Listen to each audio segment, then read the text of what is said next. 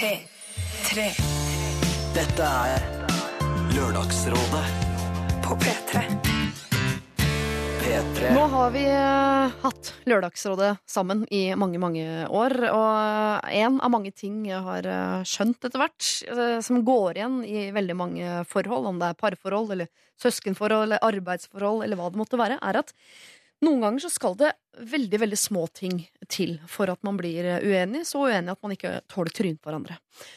Andre ganger så er det voldsomt store ting, altså helt vanvittige store eh, uenigheter, som man skulle tro at splittet de beste venner, eller splittet de fineste par, eller eh, fikk folk til å slutte i den aller, aller beste eh, jobben.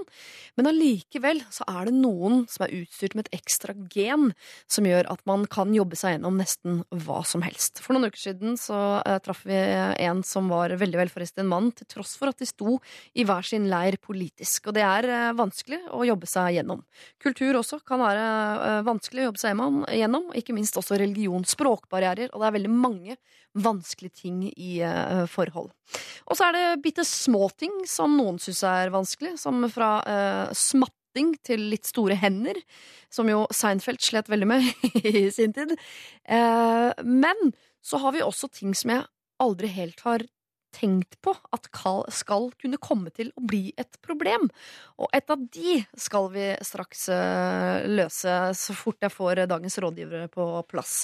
Altså, jeg har aldri tenkt på at min manns hobby en dag kan gjøre at jeg ser han i et helt nytt lys. Men sånn er det altså. Hobbyen får du vite om ikke lenge, og rådgiverne kommer om eh, ikke lenge. Men eh, før vi slipper de til, så skal vi som alltid gå, du og jeg, hånd i hånd, litt tilbake i tid og høre hvordan det gikk da med denne jenta som var forelsket til tross for de politiske uenighetene sine.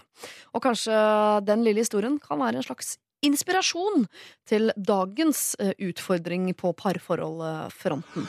Lørdagsrådet På P3. P3.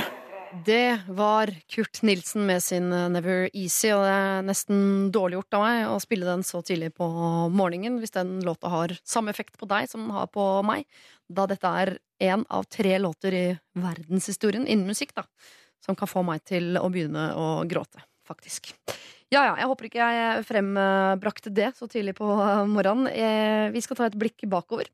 Eh, ikke så veldig langt tilbake, men tilbake til 5. september. Den gang da Anette Trettebergstuen, Trine Lise Olsen og Torbjørn Harr var her og eh, måtte hjelpe blant annet da, eh, Sara. Sara nemlig er eh, forelsket. Hun er sosialist, og hun har truffet det som kan virke som om kan være mannen i hennes liv. En dansk mann. Eh, dilemmaet hennes er at de har eh, antagelig veldig, veldig politiske, altså forskjellige politiske holdninger. Han eh, har ytret ting på Facebook som hun eh, ikke under noen omstendigheter kan være tilbøyelig til å være enig i. Og hun lurte rett og slett på om det allikevel eh, om hun skulle gi fyren en sjanse, dra og besøke han, eller om hun skulle dømme han ut fra ytringer han har eh, eh, lagt ut, da på Facebook. Eh, du skal få høre noen av rådene vi ga, og de kommer eh, her. Lørdagsrådet på P3. med mindre han er liksom superrasist eller eh, ja, det som drøyere er, så, så, så tenker jeg at eh, hun har jo kost seg med fyren, og ikke reagert på noe eller lagt merke til at han var speisa før hun la han til på Facebook. Så hun Ja. bør dra ned til Danmark og sjekke ut den fyren her litt nærmere. Så hvis det er ekte fysisk og psykisk tiltrekning, så er det verdt å satse på det. Men det, jeg er enig, det kommer veldig an på hvor prippen hun er politisk. Ja, er- Så, for at du må også respektere den mannen du elsker, ikke sant? Ja. Det er veldig greit å ha felles verdisett når man skal leve Ja, livet sammen. Reisende til Danmark, møt han, eh, vær sammen en dag, og sjekk ut dette her. Det? Og er det like fantastisk, så er det jo bare å finne ut av det.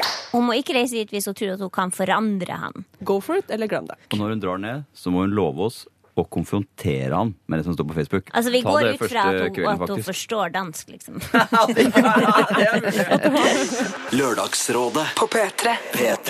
Ja, nå har det gått to uker, og uh, vår uh, forelskede sosialist Sara har uh, sendt oss en tilbakemelding. Her står det. Kjære Lørdagsrådet. Jeg valgte å følge rådet deres. Pakka snippen og reiste med stjerner i øynene til Danmark, tross litt skeptis. Som dere rådet meg til, tok jeg opp de ytringene jeg hadde sett på Facebook, og vi hadde, har virkelig diskutert mye politikk i etterkant. Ja, vi er uenige i en del ting, men han viser seg å være verken rasist eller homofob. Vi har stort sett hatt de samme verdigrunnlagene, selv om jeg nok er en smule mer idealistisk enn han. Han respekterer det jeg står for, og sier han verdsetter de gode, ganske opphetede diskusjonene omkring våre politiske uenigheter. Vi endte opp med å ha fire fantastiske dager sammen i Danmark, så takk! Jeg er fortsatt like forelska og begeistret for denne fyren, og fra å frykte forpliktelser kjenner jeg nå gråten i halsen hver gang jeg sier ha det til han. Ja, man kan forelske seg tross politiske forskjeller. Hilsen forelska sosialist Sara. Ah, så hyggelig å høre. Det er så mange som hadde rømt med halen mellom beina på det greiene der. Og mer bagatellmessige tingene der også. Man skulle jo tro at noe av det vanskeligste å overkomme er liksom politiske uenigheter, religiøse uenigheter.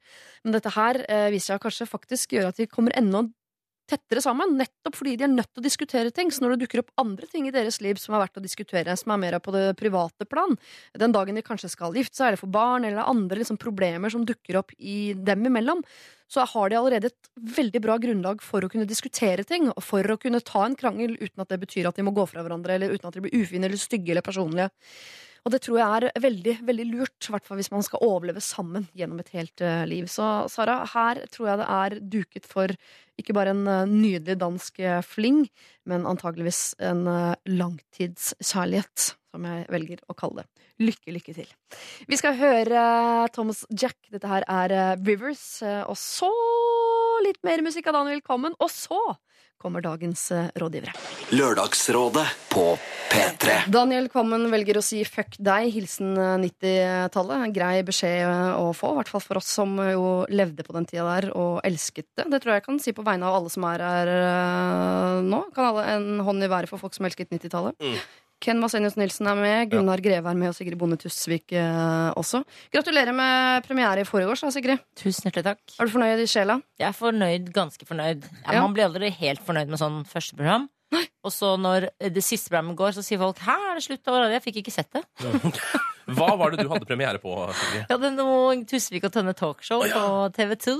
Ja, Dere har begynt å filme podkasten deres? Nei da, vi har laget et konsept der gjesten er programleder, og vi er gjestene, så vi får prata masse moro. Men Det var veldig lite plass nå på torsdag til da gjesten. Til gjesten. Ja. Eh, Nok et godt eksempel på at eh, radio kan nå TV. Det er jo alltid like hyggelig når det eh, skjer. Ja.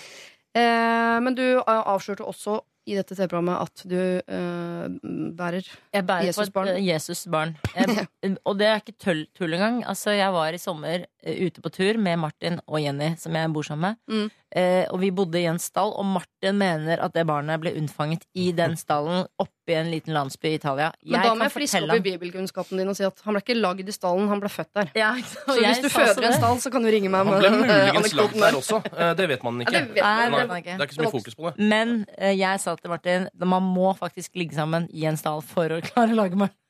Han hadde glemt det, da. Han Ja. bare 'Det er blitt til i den stallen', og dette var helt fantastisk. Bare, det var ikke noe tafsing i stall. Det er derfor det fødes så mange barn ni måter etter innspillinga hver gang vi møtes. Da går fødselsraten opp. Eh, god morgen, eh, Ken. Ja, god morgen. Er det noe nytt i livet? Nei, Ingenting. det vil jeg ikke si. Ikke noe nytt. Nei, Ikke som jeg kan komme på uh, akkurat nå. Altså. Jeg, Har du kjøpt inn nye høstklær, for eksempel? Nei, jeg har uh, økt forbruket mitt av Pepsi Max og potetskrur med paprika. Ja. Uh, det er vel det eneste som har skjedd i mitt liv siden ja, i fjor sommer, kanskje. Er du på en Ikke at det kur? skjedde noe da heller. Ja, det er en slags kur. Er det sånn opptrapping, sånn jevn opptrapping, eller har du gått liksom på en Nei, sånn jeg, sjokkøkning? jeg gikk på sjokkøkning.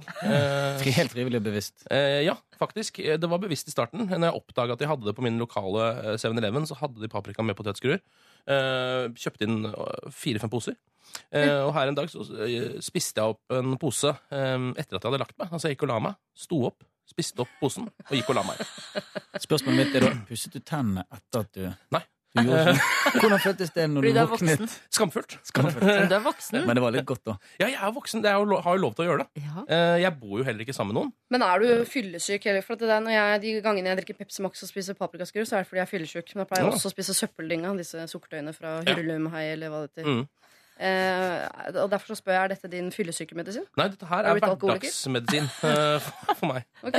Enda Eh, tristere. Syns det på meg? Har jeg gått opp eller ned noe? Jeg vet ikke, Du har så mye skjegg. Det er umulig å se om du Ja. blir tjukkere i Ja, ansiktet det, eller er, ikke. det, er, det er det som er litt av du har, en, du har en figur som jeg tror eh, figur, ja. 30 kilo pluss eller minus. Så tror ikke man blir lagt merke til det. Okay. Det er som Sagen-brødrene. ja, er Det det er jo godt å vite hvis du planlegger å gå opp, men litt trist å vite hvis du planlegger å gå ned. akkurat det? Så da er det verdt strevet for meg å gå ned? Det er det jo ikke. Neida, det. det Hvis ingen stille. Ser det uansett. Kos deg akkurat der du er. Takk. Eh, Gunnar Greve, Hei, du. du er klar for ny runde med Idol, kunne jeg se i, på VG her i går morges, eller hva det var. Sant? Sammen med bare nye folk. Helt nye folk. Det blir gøy. Er det en som er hemmelig fortsatt? Eller er alle Nei. offentliggjort? Så vidt jeg vet, så er alle offentliggjort. Hvem er det? Det er sammen Ina? Wroldsen, Hun skal være med. låtskriveren, Mm. som har gjort den fantastiske nye låten til Calvin Harris. Ehm, så er det Sandeep Singh, Ja. som er musikkanmelder. Gøy at vi har fått med en journalist. Og så er det min gode venn og klient Vinni. Ja. Ja. Ja, det Da er det jo tre rappaffilierte folk. er vi det? Er Ja, for du det? mener Sandeep er sånn offisiell liksom, sånn, rappaffiliert? ja, han er veldig rappaffiliert for det. Han hører mye på det, og anmelder mye av det også. Det har du for så vidt rett i. Mm, ja. Er det noen som har rappa på Idol-audition noen gang, lurer jeg på? Ja, Er det hel... Er det fire ganger. Og Ja. fire ganger for mye. Ja. Er må aldri gjøre det. Nei, det funker ikke helt på det formatet der. Men det burde jo funke bedre enn sang, for jeg mener jo at rapp er mindre musikalsk enn synging. Altså, hvis du skjønner, det er mindre Jeg vil heller høre rapp uten eh, strykeorkester bak enn Eh, Vi vi hadde, for å ta eksempler, vi hadde en, en dame som gjorde Det blir litt rart, for det rapp handler mye om å gjøre sine egne tekster. Ja. Det er jo det å liksom ikke skrive sine egne rapptekster. Det er jo litt sånn blasfemisk, nærmest. ja. Uh, vi hadde en dame som gjorde uh, Nicki Minaj på litt sånn dårlig norsk-engelsk. Ekstremt kjapt Mm. Ja. i tre minutter. Det var eh, en lidelse for en annen, Skal jeg være helt ærlig. Så egentlig så tror jeg at rapp egentlig kan få bli utenfor. Så får håpe heller at eh, dommerne blir mer poporienterte enn at vi gjør Idol mer rapporientert. ja. Ok, Så vi slipper kanskje rappe også i sesongen som kommer? antagelig, Vi satser på det. Ja. Vi sier i hvert fall fra nå til de som hører på Lørdagsrådet, at uh, å rappe seg inn i Idol det skal vise seg å være vanskelig. Ja. Lykke til med Ja, det. ta det som en advarsel eller som en, uh, en utfordring. Ja. Dere, Vi må ta en runde på sivil status. Uh, begynne med deg, da, Sigrid, siden du har liksom den mest banebrytende nyheten her. Ja, da gift med Martin i skjul, i det Mm. skjulte. Jeg har et barn som heter Jenny, og bærer på forhåpentligvis et nytt barn. Som skal hete Uh, ifølge Martin skal det hete Tommy Tusvik. Uh, så jeg håper på en jente, da. Oh, jeg syns Tony er enda bedre. Tony Tusvik? Ja, Hva med Torry Tusvik, da? Oh, Når vi ja, er ja, Tony høres ut som pengeinnkrever, da. Er ikke Tony Tusvik. familie, da? Ja, da bør du jobbe hos Alle, blir, alle de tre blir voldelige, så det er uh... Ja.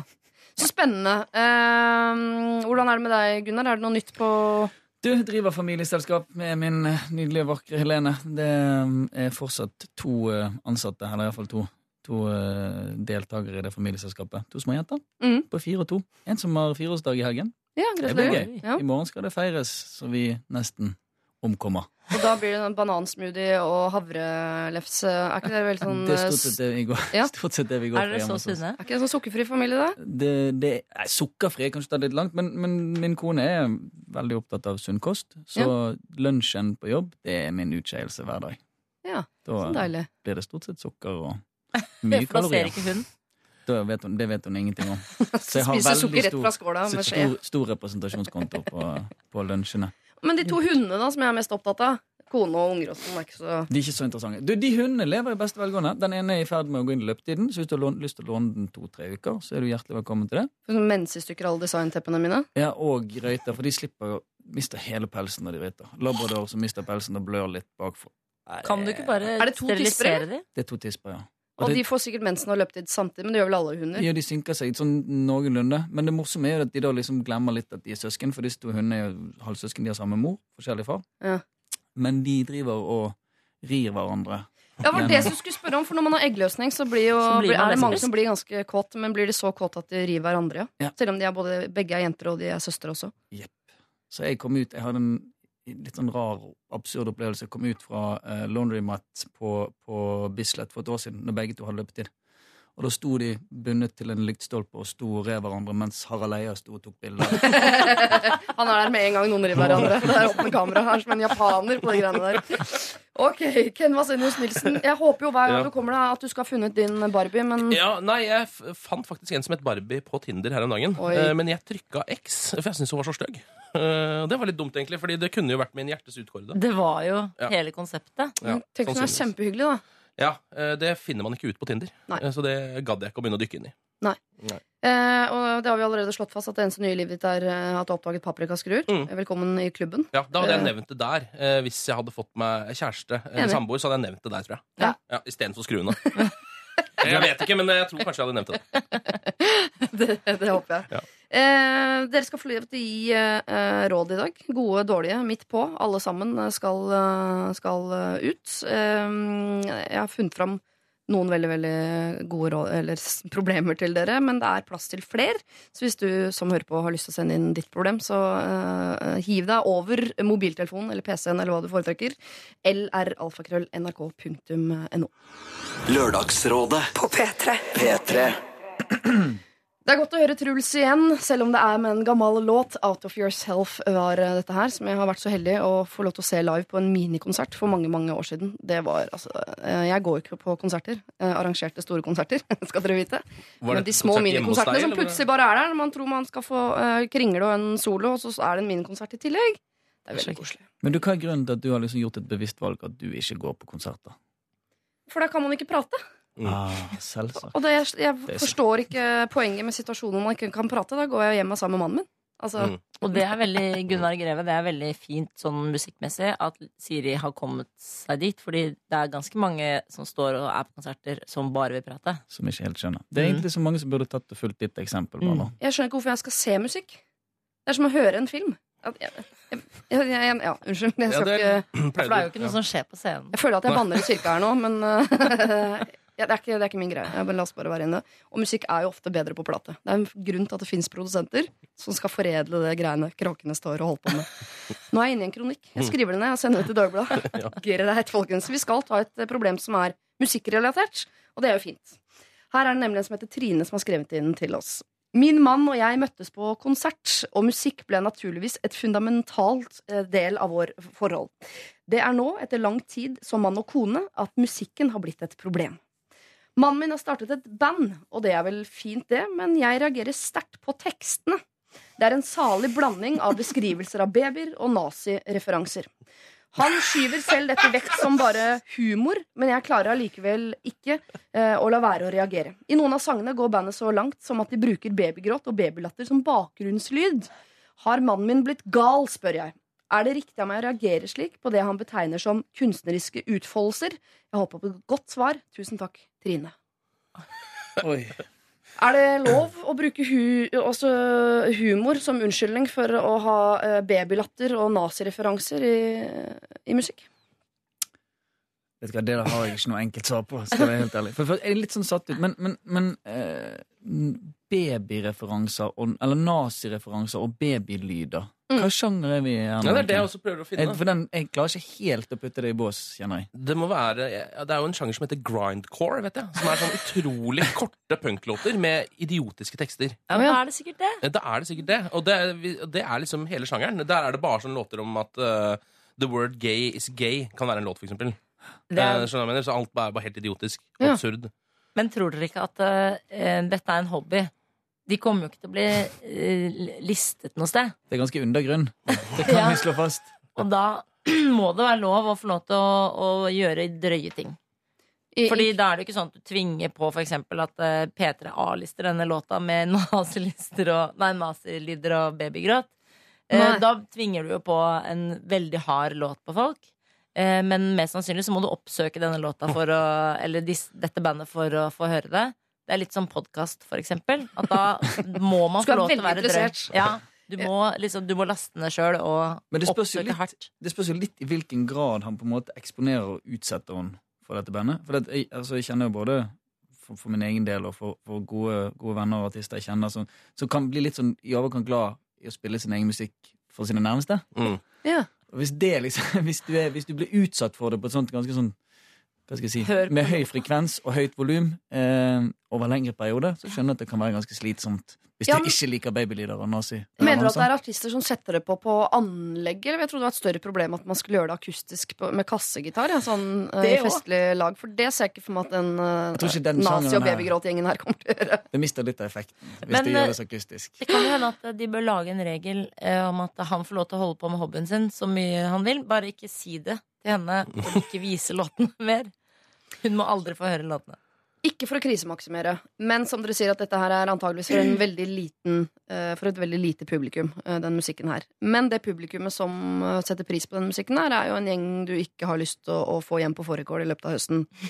Eh, og det er jo det som er risikoen her, at de ender opp med et lite publikum da, fullt av nynazister som plutselig skal henge i hagen og komme i dåp og i det hele tatt. Så, så har du en sånn Jeg vet ikke om nynazister kommer i dåp. Jo, de gjør jo sikkert det. ja, Ja, de gjør sikkert det. Hvis du får skriftlig invitasjon. Mm, ja, ja, det gjør, nei. ja, det gjør nok det. Ja. Mm. Og det er vel et miljø hun antageligvis Trine her Nå kjenner jeg ikke Trine godt, men jeg regner med at Trine ikke har lyst til det, da. Enig. Hva gjør hun da? Skal han fortsatt få lov til å utfolde seg kunstnerisk i garasjen sammen med kompisen sine? Ja, men eh, er det ikke et eller annet med at liksom eh, Uansett hva man lager, hvis man lager eh, skrekkfilmer, sinnssyke skrekkfilmer, så er det betyr jo det, det er jo bare Det er jo ikke kunst, men det er jo bare et produkt. Skjønner jeg mener? Det er Ja. bare noe man har lagd. Det, det, er ikke sånn at det nødvendigvis eh, har noe å si for hvem du er, eller hvordan du, vennene dine er, eller noe sånt. Uh, tenker jeg, da. Så jeg, jeg, sånn, uansett hva slags uh, Om du lager babygråtmusikk med nazireferanse på, så tror jeg ikke nynazistene kommer og henger i hagen din. Nei, det tror ikke jeg Jeg, jeg tror ikke det er et problem. Men er ikke det litt sånn spørsmål om hva, hvor mye takhøyde man skal ha for partneren sin, og hva partneren driver med? Du var litt inne på det innledningsvis, eh, Sigrid. Altså, jeg synes jo liksom det at man, det skal være rom for å liksom få lov å gjøre litt det man vil på egen hånd. Ja, Men, det er selv om man er liksom både gift og eller mm, bare datende. holdt jeg på å si, Det er, det er litt viktig, ikke? Å ha denne, Mm. eh, en eller annen frihet. At du får jo lov å drive med alt mulig. Martin sier jo ikke Nei, jeg får henge ut han på podkast, og så sier jeg du må ikke høre på den podkasten nå, for eksempel. Nå er det helt forferdelig om deg. Ja, for du, du spiller ikke de høyt når du kommer Kan hjem. ikke bare hør hva jeg sa der. Og den podkasten deres kan jo fort være babygråt og nazireferanser, den også. Ja, ja. De Eh, har jo ja. putter jo ti penis, eh, barnepeniser i munnen og sånn verbalt, sånn folk Ja. får bilder i hodet, og kaster opp innvendig. Så vi, jeg, kan ikke, jeg må stå inne for å si han må få lov til å gjøre hva han vil, og det mener jeg er viktig også. Han må jo, eh, Men hvis han blir en nynazist etter hvert, eller en eh, Eller får lyst til å drepe små barn, Ja. så hadde jeg kanskje vurdert Men han må få lov til å holde på å være gutt og drive med dumme ting. Det må man få lov til, og det er jo det som er problemet med jenter, voksne jenter. At vi har ikke noe hobbyer. Så for oss er det veldig rart med folk som begynner å, å, å ha hobbyer i, i, Altså noe annet enn å bare treffes og drikke kaffe og snakke? Ja, du blir helt satt ut av det som jente, fordi jenter dropper jo alle hobbyene sine. Ja. Men eh, jeg, er jo, jeg kan ikke si at jeg er noe annet enn enig i at eh, man skal være raus med hva parten skal få lov til å holde på med. og sånn Og dessuten så mener jeg også at det skal være lov å tulle med absolutt alt. Det skal ikke være noen regler Mm. for hva som eh, kan tulles med. Eh, men her, hvis det er tull hvis det er et humorband, at de står med eh, hundemaske og eh, rød selebukse, liksom, at det er helt sånn tydelig humor, eh, så er det vel kanskje greit. Jeg bare tenker at en fyr som tar sterk avstand fra alle nazistiske synspunkter, setter seg ikke ned og skriver en låt med masse nazireferanser. Så jeg tror hun har mistet liksom eh, litt troa på Hvem er det jeg er sammen med, egentlig? Mm. En fyr som skriver nazitekster med babygråt bak. Og så sitter du der og føler litt at eh, eggstokkene dine rasler, og så lurer du på det, skal dette bli pappaen til babyen min, eller? Ja. Jeg syns dere, ikke det er- jeg synes dere fortsatt at han bare, bare skal få holde på akkurat som han vil. Hvis hobbyen hans var å, å slå i hjel kattunger, er det, er, så er det greit? Eh, nei, Hvis hobbyen hans var å skrive tekster om å slå i hjel kattunger, så er det greit. Ja. Ja, Det er jo det som er hele forskjellen. ja men da betyr det jo et, Den tanken dukker jo opp fra et sted. Ja, men Da har du et ønske om å slå i hjel kattunger. Egentlig, hvis det hadde vært lov. Det er ikke- det? Det er ikke alt man klarer å slå i hjel kattunger selv om man har lyst til det. Ja, det er ganske, det er ganske men det er dumt, dumt å tenke på det likevel, kanskje. På et annet nivå. Ja. Men altså, det er litt vanskelig å bedømme ut ifra det som er skrevet her. Så er det litt vanskelig å vite eh, altså, grensene for hva er et humorband og ikke et humorband. Den er jo i seg sjøl til og med vanskelig å definere. Selv om du hører musikken og ser bandet live. Det er ikke sikkert bandet selv vet det Nei, det er jo, Det er jo også sånn, for Hvor vittig er han fyren, og hvor humørløs er hun dama? Eller hvor eh, flink på humor er hun her til å skjønne at det her er ikke humor. Det her bare skjuler deg bak humor. Mm. Så eh, det er vanskelig å vite, da. Fordi hvis han Man kan jo alltid si sånn Å, det var morsomt, da. Det var humor, da. Det kan være det mest provoserende man kan få eh, i fleisen liksom når man har klikka på noen. Ja. Herregud, ta en spøk, da. Så bare sånn Åh, det går ikke an å si. Det, nå har Nå er det for seint, for nå har det klikka. Ja. Ellers som jeg ofte får av min mann. Han sånn, ikke ha standup nå, Siri. Vær så snill. Kutt ut det standup-greiene dine. Det er så slemt å si. Men går det ikke an her, tenker jeg at selv om de er et sånn, kanskje et garasjeband og det bare er en hobby, og sånn, så har jo til og med dårlig garasjehobbyband eh, et ønske om å holde konsert eh, på samfunnets lokaler eller et eller annet en dag. Gå på den konserten og se om publikum eh, etter at en låt er ferdig, om de hever begge hendene i en akklamasjon, eller om de hever kun den ene til en slags eh, god gammeldags hilsen, som var veldig populært på 40-tallet. Mm. Eh, hvis det er den siste, så hadde jeg eh, pakket sekken min. Enig. Ganske Enig. kjapt. Ja, er han nazist, så kan det gå Da hadde jeg først brent et kors i hagen, og så Mm. gått. Kan vi ende på noe så kort som å si til Trine at eh, kjære Trine, hvis mannen din er humorist, så må han få lov til det. Er han nazist, så må han ikke få lov til det. Og da er det litt opp til deg om du vil eh, helbrede han, eh, hjernevaske han, eh, eller hva du vil gjøre, eller om du rett og slett vil gå fra han. Har du en nazist i garasjen, så foreslår i hvert fall jeg at du gjør noe helt sånn drastisk med det. Men uh, ha et åpent sinn for humoren, da. Det er lov å tulle med alt. Lørdagsrådet på P3. P3. Macklemore har fått med seg en gjeng med folk på denne låta. Downtown heter eh, den. Eh, Jeg sitter her sammen med Sigrid Bonde Tusvik, Ken Vasenius Nilsen og Gunnar Greve. Og vi skal ut på en liten reise nå som ikke jeg har vært på før. Eh, Vi skal til Amerika. Der har jeg vært. Men vi skal snakke om undertøy er en del av kilden til dette problemet. Ok. Hei, jeg er en jente på 22 år som denne høsten studerer i USA. Jeg har vært der i snart fire uker og jeg har blitt sendt med både amerikanere, folk fra andre land og noen nordmenn. Og det er nordmennene, eller i dette tilfellet en nordmann, som er kjernen til problemet. Naturligvis ble jeg best kjent med de andre norske studentene først, i og med at vi kan prate sammen. De var veldig hyggelige mot meg og tok meg godt imot som eneste jente. Jeg ble ekstra godt kjent med den ene av gutta, og vi pratet sammen. Han fulgte meg hjem etter byen, osv. Han hadde kjæreste hjemme i Norge, så det var kun vennskap, men kanskje litt småflørting. Men for en uke siden bestemte han, bestemte han seg for å reise hjem. Helt plutselig, og uten noen veldig god grunn. Vi andre prøvde å overtale han til å bli, men det var ikke mulig. Dagen før han skulle dra hjem, var vi på et kjøpesenter sammen, for han skulle eh, kjøpe med en gave til sin kjæreste. Dette var en gave fra butikken Victoria's Secret, og jeg hjalp han å plukke ut gaven. Et ganske dyrt sett. Morgenen etter får jeg melding om at han har lagt igjen en gave til meg også, på eh, sitt rom, som jeg kan komme og hente. Og når jeg kommer dit, etter at han har dratt hjem, så ligger gaven han skulle ha gitt til sin kjæreste, igjen. En gave verdt ca. 800 kroner. Jeg sa fra at jeg ikke kunne ta imot en gave som har vært så mye penger, og spurte om hvorfor han eh, ikke hadde den med seg og ga den til kjæresten sin hjemme. Det eneste svaret jeg fikk, var at jeg skulle beholde det, og at han ikke skulle ta den med hjem pga. omstendigheter hjemme. Så mitt spørsmål er, hva skal jeg gjøre med denne gaven? Skal jeg beholde det, eller skal jeg sende det til han? Skal jeg overføre penger eh, for det gaven er verdt? Jeg har jo bare sendt han i tre uker, og jeg føler ikke at jeg kan ta imot en gave av eh, så høy verdi. Og dessuten så var det jo egentlig ikke ment til meg engang. Hilsen Malin i en flokk av utenlandske studentgutter. Eh, Jeg vil vel ikke si at det er eh, verdien på gaven som gjør at du ikke kan ta den imot. Det er vel det at det er undertøy. Er det ikke det? Måte, At du har fått undertøy fra en fremmed fyr. Eh, Det er ikke det at det er verdt 800 kroner. Ja, og, og undertøy fra en fremmed fyr som du har vært med å handle sammen med Ja. han til hans kjæreste. Det, er det er der, I hele den setningen der et eller annet eh, begynner å skurre. Men, men jeg syns det er en det er sånn merkelig rar lure. Jeg har veldig lyst til å høre fortsettelsen på den historien. Nei. Altså, skjønner du, Mm. det er sånn, Ja, Hvor ender dette? Jeg lurer på omstendighetene hjemme, men det lukter jo litt brudd, da. Ja. Det vil jeg tro. At uh, det er ikke andre flørt. omstendigheter. Sånn, det er ikke epler på trærne i hagen i år. Så jeg, liksom, det er jo et eller annet som har skjedd med hun eksen, antagelig. Eller altså dama, da. Dama. Som vi kaller eksen. Enig, men det er jo kjempebra. Det er jo veldig det Han her prøver jo bare å flørte med henne. Ja, det, det er jo Altså, jeg hadde ikke blitt så sur eller eh, så redd for det. Fordi du har fått en gave. Det er jo ikke sånn å, Fordi hun vet jo at det er verdt 800 kroner, men hvis hun ikke hadde vært med i butikken, så hadde hun jo ikke visst det, egentlig. Eller, da kunne hun jo innbilt seg at å, det hadde sikkert vært 3000 eller eh, 200. Altså, det vet hun jo egentlig ikke hvis hun ikke hadde vært med der. Eh, pluss at eh, han prøver bare å flørte med henne, gi henne undertøy. Det er jo klassisk flørt. Og så Hvorfor skal han flørte med en dame i Amerika når han er hjemme i Norge? Men Er altså, ikke det tenk, koselig? tenk hvis han holder henne på gress nå. ja, men, men skulle han reise hjem for å bli hjemme, eller Ja, skulle ja, han komme ja, tilbake? han ga opp, han. Amerika ga opp hele greia. Dro hjem. Ja, ja, men hun skal jo hjem, hun òg. Ja, om et halvt år. Ja, det Mm. blir så koselig. Så Ja. kommer de til å hooke opp igjen. Sånn. Ting, kjærlighet tar tid. Så hun må jo bare gå med det undertøyet, bruke det opp, vaske det så hardt at eh, det blir helt sånn slafsete og ruskete. Ja. eh, Og ligge med folk eh, ubeskyttet sex i, i USA, så mye hun kan. Ja. Komme hjem, gi han litt klamydia. Fra, Masse omskjært sex Ja. der borte. Mm. Gi han litt klamydia og si tusen takk for undertøyet, men nå har jeg en kjæreste fra USA, for eksempel. Da.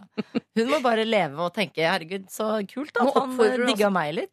Nå oppfører du til så mange ting som er galt. Ubeskyttet sex, utroskap, øh, kynisme. Altså, det, listen er Bruke lang. undertøyet til det blir slarvete. Men jeg føler Ja. hun tenker for mye her. Hun tenker liksom 'å, hva er dette', og 'hva vil det si', og alt mulig sånn. Hun skal jo ikke se ham på et halvt år. Hun kan bare roe seg helt ned.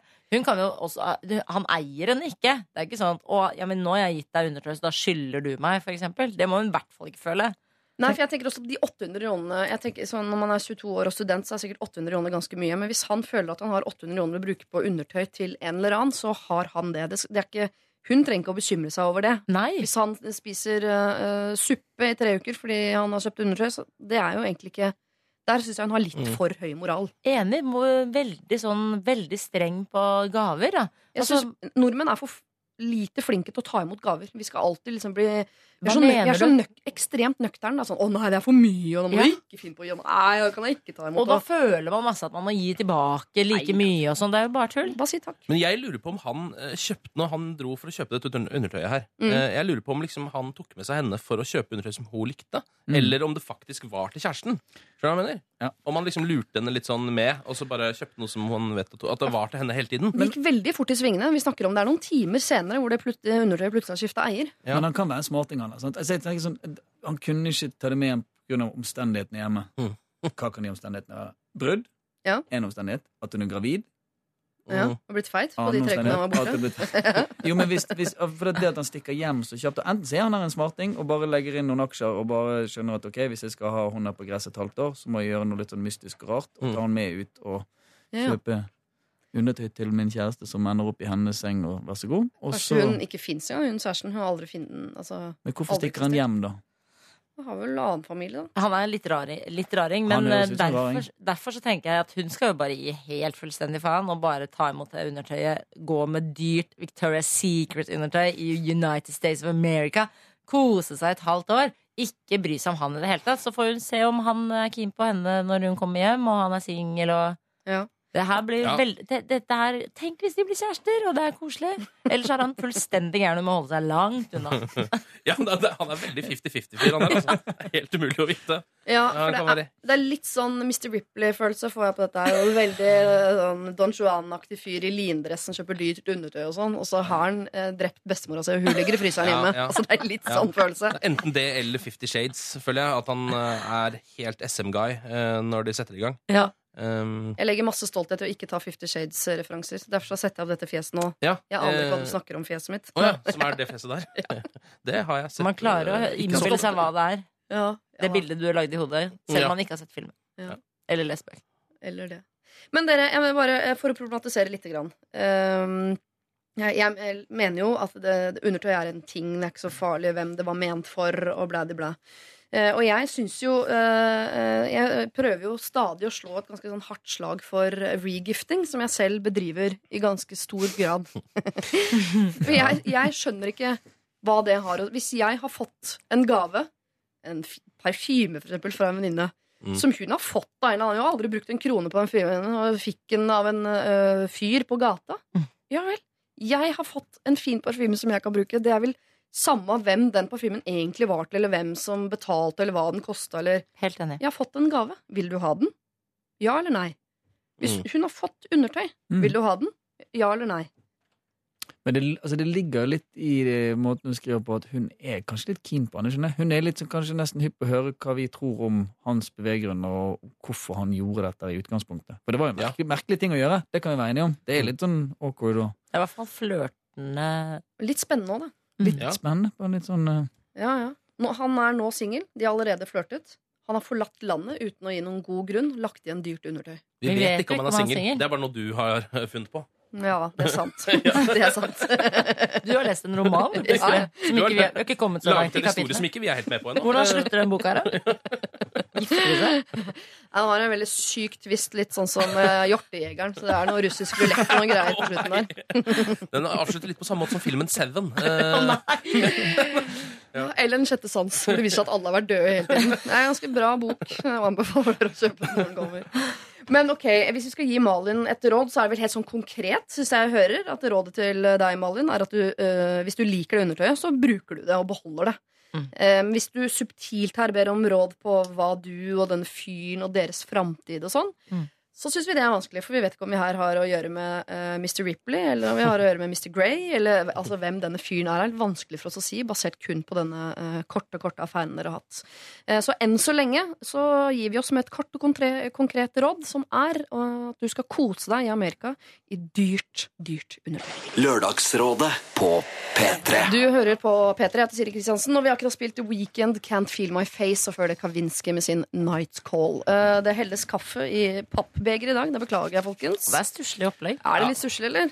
Det er det. Jeg trodde Ja. alltid at du hadde med hvetebakst om morgenen. Eh, Det gjorde du før, i gamle dager. Men Folk har blitt så sunne, jeg tør ikke lenger. Jeg føler at jeg pusher sukker på folk som prøver å ta avstand. Jeg, hadde, jeg gleda meg så mye folk, til det. med en gang du pusher det, så vil folk alltid ha det. Ja, det er det. Det er Det er som med dop, Ja. og det tar jeg veldig avstand fra. Derfor har jeg slutta å kjøpe boller til dere. Men kan være det dukker opp noen knaskerøtter på et eller annet Å tidspunkt. nei! Det Med dipp, eller? Er det med dipp? Nei, jeg er ikke dipp. Nei. Jeg er faktisk ikke dipp. Eh, nei, du kan helle sånn holiday-pulver over hvis du er interessert i det. Men jeg har ikke rømme. Skal du si hvem vi er? Ja, Sigrid Bonde Tusvik, det er du. Mm. Du har, hadde du glemt det? Nei, bare jeg irriterer meg veldig ofte hvis jeg kommer fort inn i Lørdagsrådet Ja. på morgenen. Og så er det ingen som så sier hvem det er. må jeg sitte og gjette. Ja. Da hører jeg ikke hva de sier, egentlig. For jeg sitter bare og hører på stemmene. Men akkurat den stemmen din tror jeg kanskje vi skal kjenne igjen. Ganske greit. Eh, det kan være verre med Gunnar Greve. Tenk sånn, åh, det er en bergenser, det hører jeg. Sant? Ja. En Eh, irriterende kis. Men det er meg. men du snakker sånn rolig og mørkt bergensk, og da syns jeg bergensk er en av de fineste dialektene vi har. Så hyggelig. Hvis du hadde vært sånn Som noen bergensere er. Mm. Ganske lenger ned på Sånn lista. da. Ikke på bånd. Men det er litt tiden på døgnet. Vi, vi switcher liksom tonalt opp to oktaver etter klokken tolv. Da snakker vi sånn, alle sammen! Ja, vi ser hverandre aldri etter tolv. Det er derfor, det er derfor jeg liker det så godt. Koselig om morgenen. Og Ken Vasenius Nilsen, som jo også P3s lyttere antageligvis kanskje kjenner igjen ganske kjapt, vil jeg tro. Ja, hallo, god lørdag. Ja. God lørdag. Dere, vi skal ta tak i et nytt eh, problem, eh, denne gangen fra en som heter eh, Marianne, som skriver følgende. Hei. Jeg ble adoptert bort som baby og har hatt et, en kjempeflott oppvekst og har hatt et godt liv. Jeg er norskadoptert, noe som var ganske vanlig på 50- og 60-tallet, siden det da var lite akseptert å være enslig mor. Og det fantes jo ikke støtteordninger eller barnehageplasser og den slags som i dag.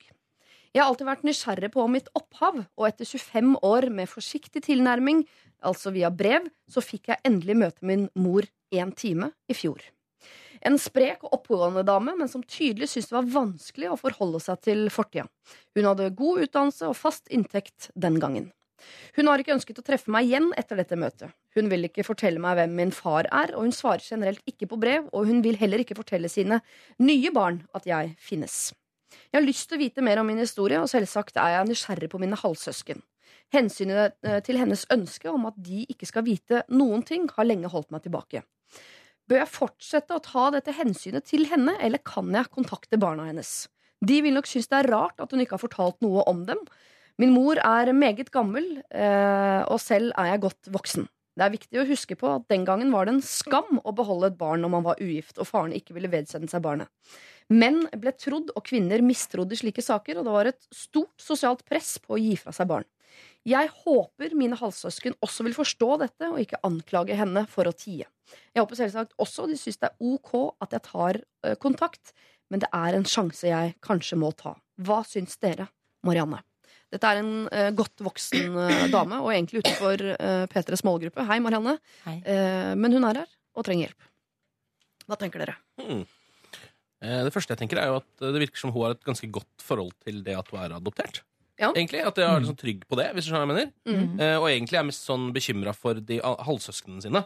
eh, at de skal ta det dårlig. Eh, så for hennes del så virker det som at du er liksom ganske komfortabel med hele situasjonen. da Mm. Som er bra, tenker jeg. Ja. Um, Men eh, ja, uff. Ja, det er vrient. Og det er jo liksom, man vet jo aldri hvordan de eh, kommer til å reagere på det, men hvis du sier det som du sa til oss, eh, altså forklarer bakgrunnen for det, så Mm. tenker jeg at de ikke vil anklage mora di for noen ting. At de også vil forstå det. Så lenge du forstår det, så Ja. vil de også synes det er greit, tror jeg, faktisk. Men her har, altså hun har skrevet brev på brev på brev og antageligvis forklart seg på alle mulige måter. Og, og, øh, så jeg tenker at her er det to som er uenige. Hun ønsker å si det. Mm. Mor ønsker ikke at det skal bli sagt. Ja. Så hvis hun velger å si det, så er det på tross av moren. Mm. Men og da må vi hjelpe henne å ta det valget. Da. Mm. Skal hun ta hens, fortsette å ta hensyn til mor, eller skal hun ta hensyn er, til seg selv? dette, er en, dette er en kjempevanskelig situasjon. Altså Ja. sånn helt, helt ærlig, det er, det er to utrolig viktige hensyn. Og, og, og på en måte vanskelig å si at det ene er viktigere enn det andre. For det, det er jo helt åpenbart at det for moren Hun har vært i en livssituasjon som har vært veldig vanskelig. Hun føler åpenbart på at den situasjonen er vanskelig fremdeles. Eh, og så har du hun som på andre siden har et helt forståelig behov for å på en måte for Selv om du sier at hun er komfortabel med å være Og, og det høres jo på mange måter ut som det er et slags normalisert forhold Mm. eller, eller liv som er norskadoptert, men du hører jo også at hun er veldig opptatt av å få på en måte knytte bånd eller, eller uh, relasjoner til sitt opphav og til sine røtter. Det er Mm. ikke enkelt, det der, men, men jeg vet ikke, det er Mange er veldig opptatt av det. Å finne ut av hvor de kommer fra, røttene sine, familie, slekt. Altså, det er noen som er veldig veldig opptatt av det. Jeg tenker Hvis du har det behovet, så tror jeg det er vanskelig å, å tilfredsstille det på en annen måte enn å, Mm. å, Vi kan å jo- gå inn i det. Vi kan jo også se det sånn at eh, La oss si at hun ikke ble adoptert bort, da, men at hun eh, hadde, måtte vokse opp hos faren sin, og han ikke ville si hvem moren var, for eksempel. Mm. Eh, og så finner hun ut av det. Eh, da tenker jeg sånn Vi har nemlig hatt noe lignende i vår slekt, og da eh, Det som skjedde da, når man da møter de man ikke visste om, eh, så reagerer alle forskjellig. Liksom. Ja. Det er ikke sånn at eh, slekta står da mo, eh, samlet som en sånn gjeng, og dette skal vi takle. Alle er jo forskjellige følelser, så alle bare eh, må reagere på sin måte. Noen blir kjempesinte, noen blir kjemperedde, noen blir kjempeåpne og vil at alle skal være happy, big happy family.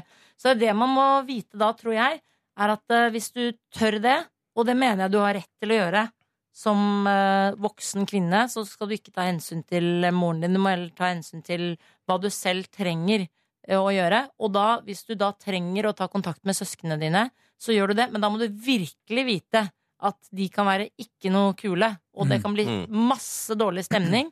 Det kan bli årevis med krangel. Eh, mellom da det blir dårligere forhold til moren, som allerede er virkelig ganske dårlig. Mm. Eh, men eh, hvis man står i det og syns at det er greit, så tror jeg det er bedre å vite, og jeg tror etter hvert at alle syns det er greit. Liksom. Det er mange familier som har mye rusk og rask. Det er jo ikke sånn unik historie. Så, eh, og til slutt så bare tenker man ikke så veldig mye over sånne ting.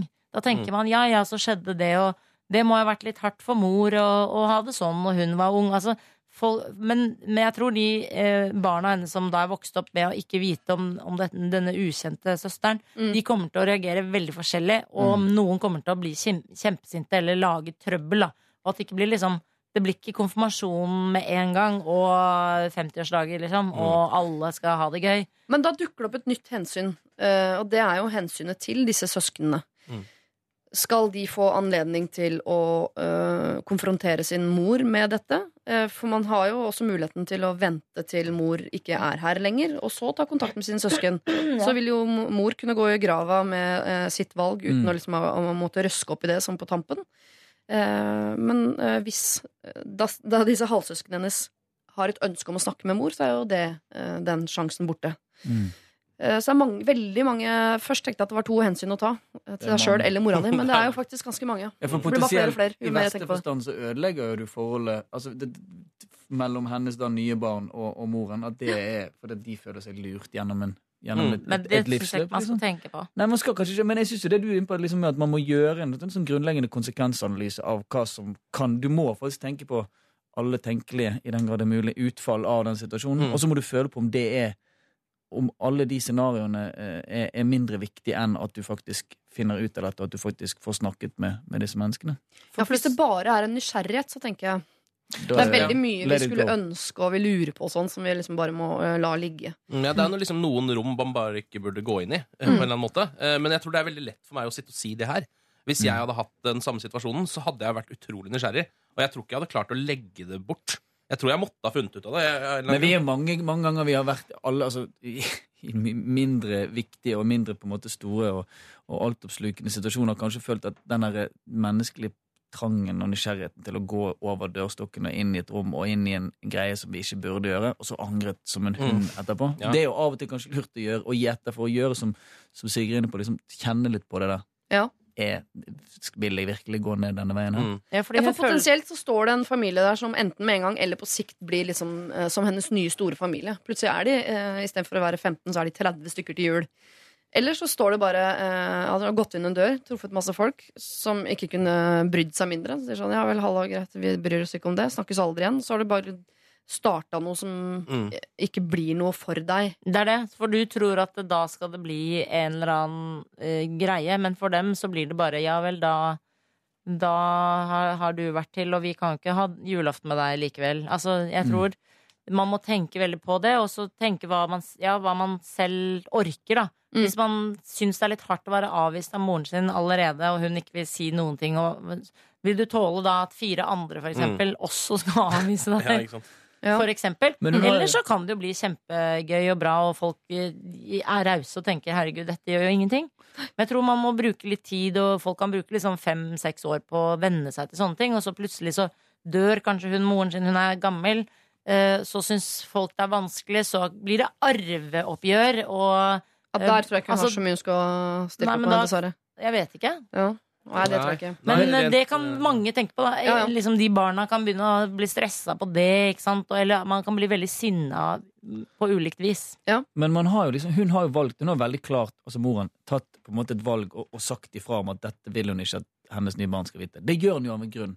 Og kanskje det, Nå høres det ut som hun har prøvd og brev og i det hele tatt, men, men sånn, det hadde vært greit å vite, iallfall hatt et litt bedre grunnlag for å vite hvorfor er det du, du har så Handler det om den skammen? Handler det om den på en måte, den kjipe historikken eh, fra en tid hvor det der var eh, hvor, hvor hun ble satt i en situasjon hvor hun måtte gjøre noe hun kanskje ikke hadde lyst til å gjøre i det hele tatt, eller handler det om en eller annen relasjon eller, Man aner jo ingenting her om historikken. Jeg prøver å sette meg inn i det sjøl. Hvis min far nå er 33, hvis min far hadde kommet Er faren din fortalt meg nå- 33? Nei.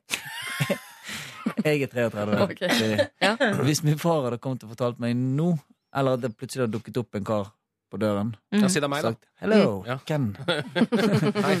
Jeg er din bror. Jeg er min paprikaskruespisende, Pepsi Max-drikkende halvbror. Jeg tror jeg hadde eh, Jeg hadde, tror jeg hadde blitt forbanna. Hadde blitt forbanna. Men hvis Nei, men jeg hadde hadde- kanskje klart å å ta han inn da eh, altså Folk har jo med sine egne liv og er gift med andre og som også har slekt som eh, er rare. Altså, jeg Jeg tror ikke jeg hadde orka en bror til nå, på 35. Så var Ikke sant? sånn, Som du «Hallo, skulle Hva inkludert. skulle du da til jula? Ah, Ja. Det hadde sikkert tatt litt tid å ta det inn, i alle fall. Men jeg tror liksom forbanna på min far for å på en måte ikke ha, ha delt det i 33 år. Mm. Og det er vel en ganske nærliggende naturlig ting å tenke og tro at det er vel de færreste som står velkommen inn Men- i stuen. Jeg syns vi skal respektere mor i dette her litt grann nå, da, for det er, er det én her som sitter på all faktaen, så er det mor.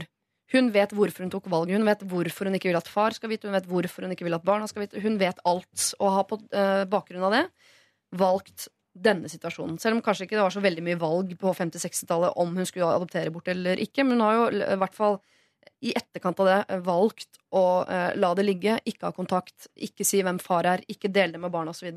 Og det valget syns jeg på en eller annen måte man skal respektere. Så min første tanke var eh, vent til hun ikke er her lenger, Mm. og så kan du kontakte Mm. søsknene dine. Men da Men får hun for eksempel aldri at vite faren. blir og- ja, men, øh, Jeg tenker Der så tror jeg hun skal slå seg med ro med at her er det noen som prøver å skåne, ville jeg tenkt. Okay. Jeg, jeg, jeg, Ja, jeg, tror ikke du vil vite hvem pappaen din er. Jeg tror det er derfor Ja, ja. moren din tar det valget.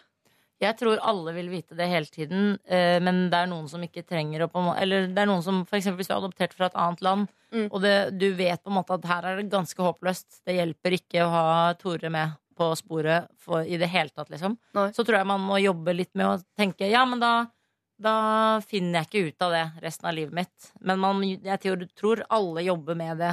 Med at man ikke vet hvem far og mor er. Jeg syns dette er nesten helt umulig å skulle gi et råd eh, her. Man har lyst til å gi alle råd i alle retninger. Og så er det vanskelig å legge sine personlige greier. Jeg er ikke noe opptatt av sånn gammel slekt. Og, så for meg hadde ikke dette vært et ønske i det hele tatt. Men det er det jo for Marianne. Mm. Eh, Så da må man liksom putte det inn i hodet og Mm. inn i hjertet også. Eh, Du må i hvert fall tenke på at hvis man, ja, hvis man går inn i dette her, så Ja. kan du sette i gang et eller annet du ikke har peiling på hva er engang. Mm. Eh, Så man må tenke seg godt om, iallfall. Ja. Og veldig, det må være et veldig brennende ønske hvis du skal sette i gang, føler jeg. Og Ja. tåle ganske mye dritt, da. Jeg tror det, Marianne, at her må du Du får ikke et uh, fasitsvar av oss på hva du skal gjøre her, men det du i hvert fall skal gjøre aller, aller først, er å sette deg ned og tenke over alle mulige uh, muligheter for, for hvordan dette kan gå. Du må tenke at du skal ta et hensyn til moren din og det valget hun har tatt. Du skal ta et hensyn til faren din, som kanskje ikke engang vet at du fins. Og du skal ta et hensyn til søsknene dine, som uh, ikke vet noe om dette her. Og til syvende og sist skal du også ta et hensyn til deg selv i forhold til at du kan bevege deg inn i et rom som ikke gir deg en uh, happy ending heller. Uh, så det er også et hensyn du må ta. Og om du kan leve med at du har startet noe som ikke nødvendigvis får en uh, lykkelig avslutning, og alle de hensynene må du ta, og alt det der må du være villig til å kaste i potten for å potensielt kanskje oppnå det jeg tror du aller helst vil, nemlig en sånn stor lykkelig avslutning hvor alle er venner og alle vil feire jul sammen osv. Jeg sier ikke at det er umulig. Jeg tror bare at veien dit er veldig veldig vanskelig, og det er mange ting som skal klaffe for at det skal være avslutningen. Eh, Så gå gjennom de scenarioene der, og eh, ta en runde på om du er villig til eh, å gå inn i det rommet, som kan bli fint, men det kan også bli veldig veldig vanskelig for veldig mange. Lørdagsrådet På P3. P3. Susanne Sundfør eh, fikk vi der med sin eh, Kamikaze. Du hører på Lørdagsrådet, som i dag består av Skal du si hvem vi er, eller? Ken Vasenius Nilsen, Gunnar Greve og Sigrid Baane Tusvik. Ja. Eh, en som har stilt et mer sånn generelt spørsmål til oss. Eh, en eh, fyr som velger å være anonym, til tross for at dette er et problem som ikke angår han selv. Eh, hei. Jeg lurer på deres holdning til å la kjæreste, få tilgang til mobiltelefonen sin. Altså å få vite koden.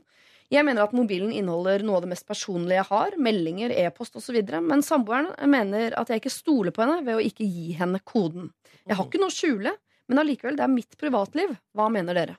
Her skal vi sette Ja. opp noen kjøreregler for mobil. dilemma. Ja. Ja, det er det. Um, hvert Her skal man passe seg, altså. Ja, men det er jo sånn at med venner så har jeg det i hvert fall ofte sånn at eh, de bare får den koden hvis de skal sette på noe på Spotify eller noe sånt.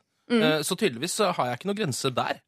Uh, og da er det jo litt, kanskje litt rart hvis jeg skulle hatt sånn Men kjæresten min, du får ikke se på telefonen min. Eh, når kompisene mine får det. Skjønner du hva jeg mener? Ja. Men la oss si at det ikke bare handler om koden. Uh, la oss si at vi var sammen, nok igjen. Mm. La oss kose oss med det et lite Ja, øyeblikk. ja. Eh, og så spør jeg en fredag Mm, kveld, da. Ikke sant? Ja. Sett på side om side og Mm. Eller går det på lørdager, forresten? Men eh, så spør jeg sånn Kan ikke jeg få bare snoke på telefonen og lese litt meldinger og mail og titte litt på gamle bilder og den slags? Ja. Eh, det, jeg hadde jo syntes det hadde vært ukomfortabelt, i hvert fall. Mm. Jeg vet ikke hvorfor. Jeg er veldig for å kunne koder. Ja. Jeg mener at det er uh, Alle må Har kunne du et sånt kontrollbehov? Aldri tenkt.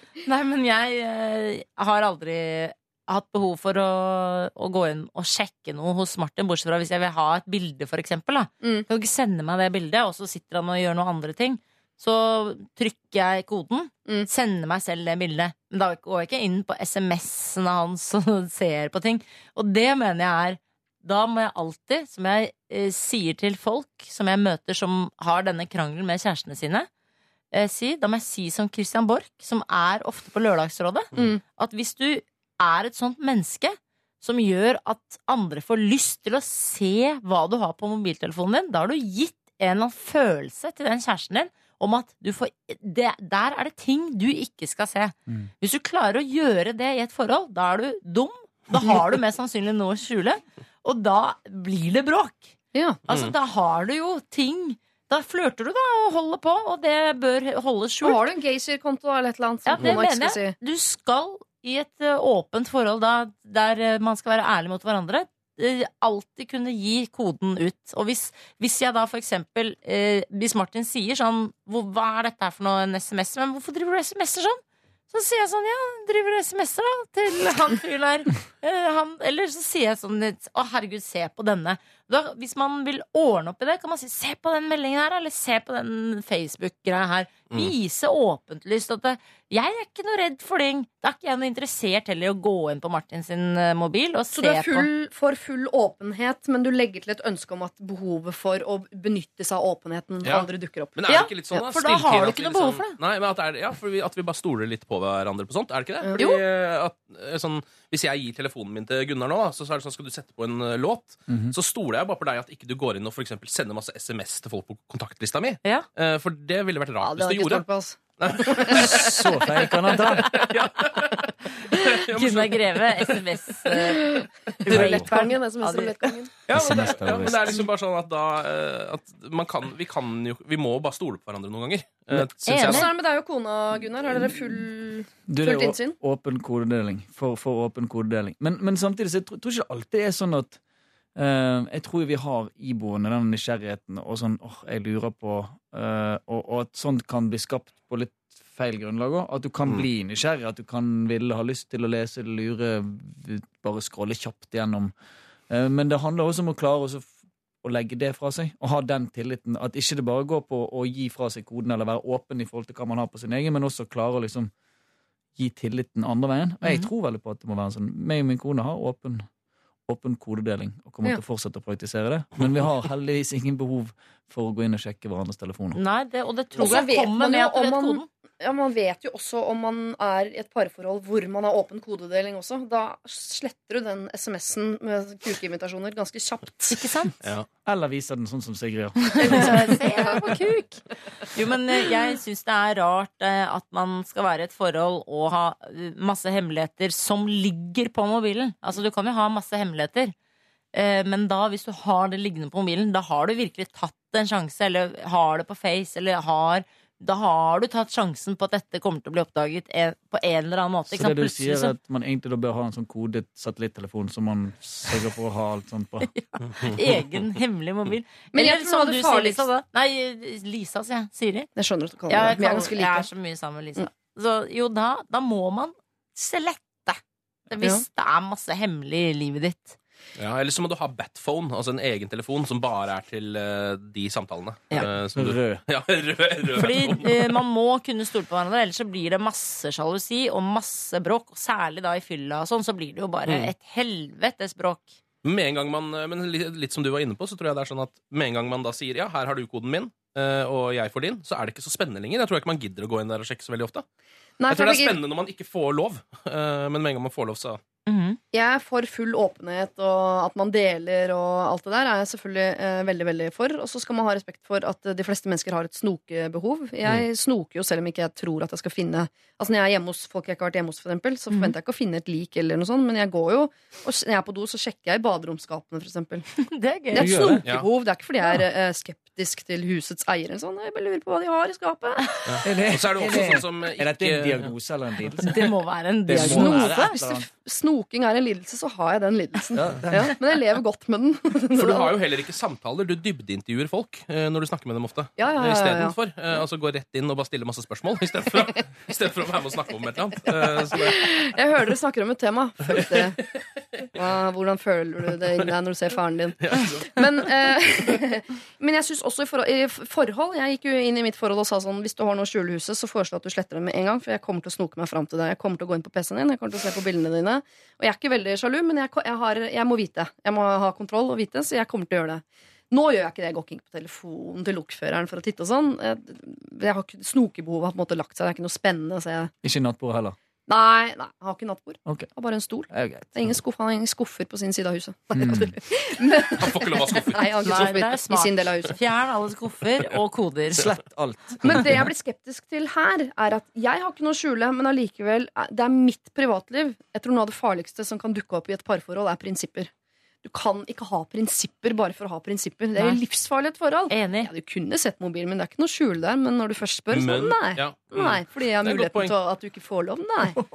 Det er enig Så det er livsfarlig. Må ikke ha prinsipper. Hvis sånn der, Espen plutselig en dag sier du får ikke lov å se sånn på mobilen min, da skal jeg se på mobilen. Ja. Ja. Ja. Det er Jeg, jeg nettopp det. foreslår at dere gir hverandre full tilgang. Og så er det jo uansett sånn at det, det er ikke så spennende altså, å sitte og se på telefonen til en annen person. Det er, altså, Det er to, eh, Kanskje du kan bruke 30 sekunder på det, og så setter du opp en episode med Narcos, og så ser du på det isteden. Ja. Eh, Så er det greit, liksom. Vi kunne hevet den diskusjonen opp til et nivå som handler om datadirektivet. i det hele tatt, For det blir litt den samme eh, diskusjonen, egentlig. Men jeg tror det vi eh, ender opp på her, er eh, kan vi i hvert fall ha et ønske om full åpenhet, eh, men samtidig legge til et ønske om at behovet for å eh, kontrollere andres mobil ikke fins i et parforhold, fordi mm. man stoler såpass mye på hverandre at det ikke blir et problem. Mm. Vi kan legge inn det som et ønske. Kunne koden, men aldri gå inn. Ja.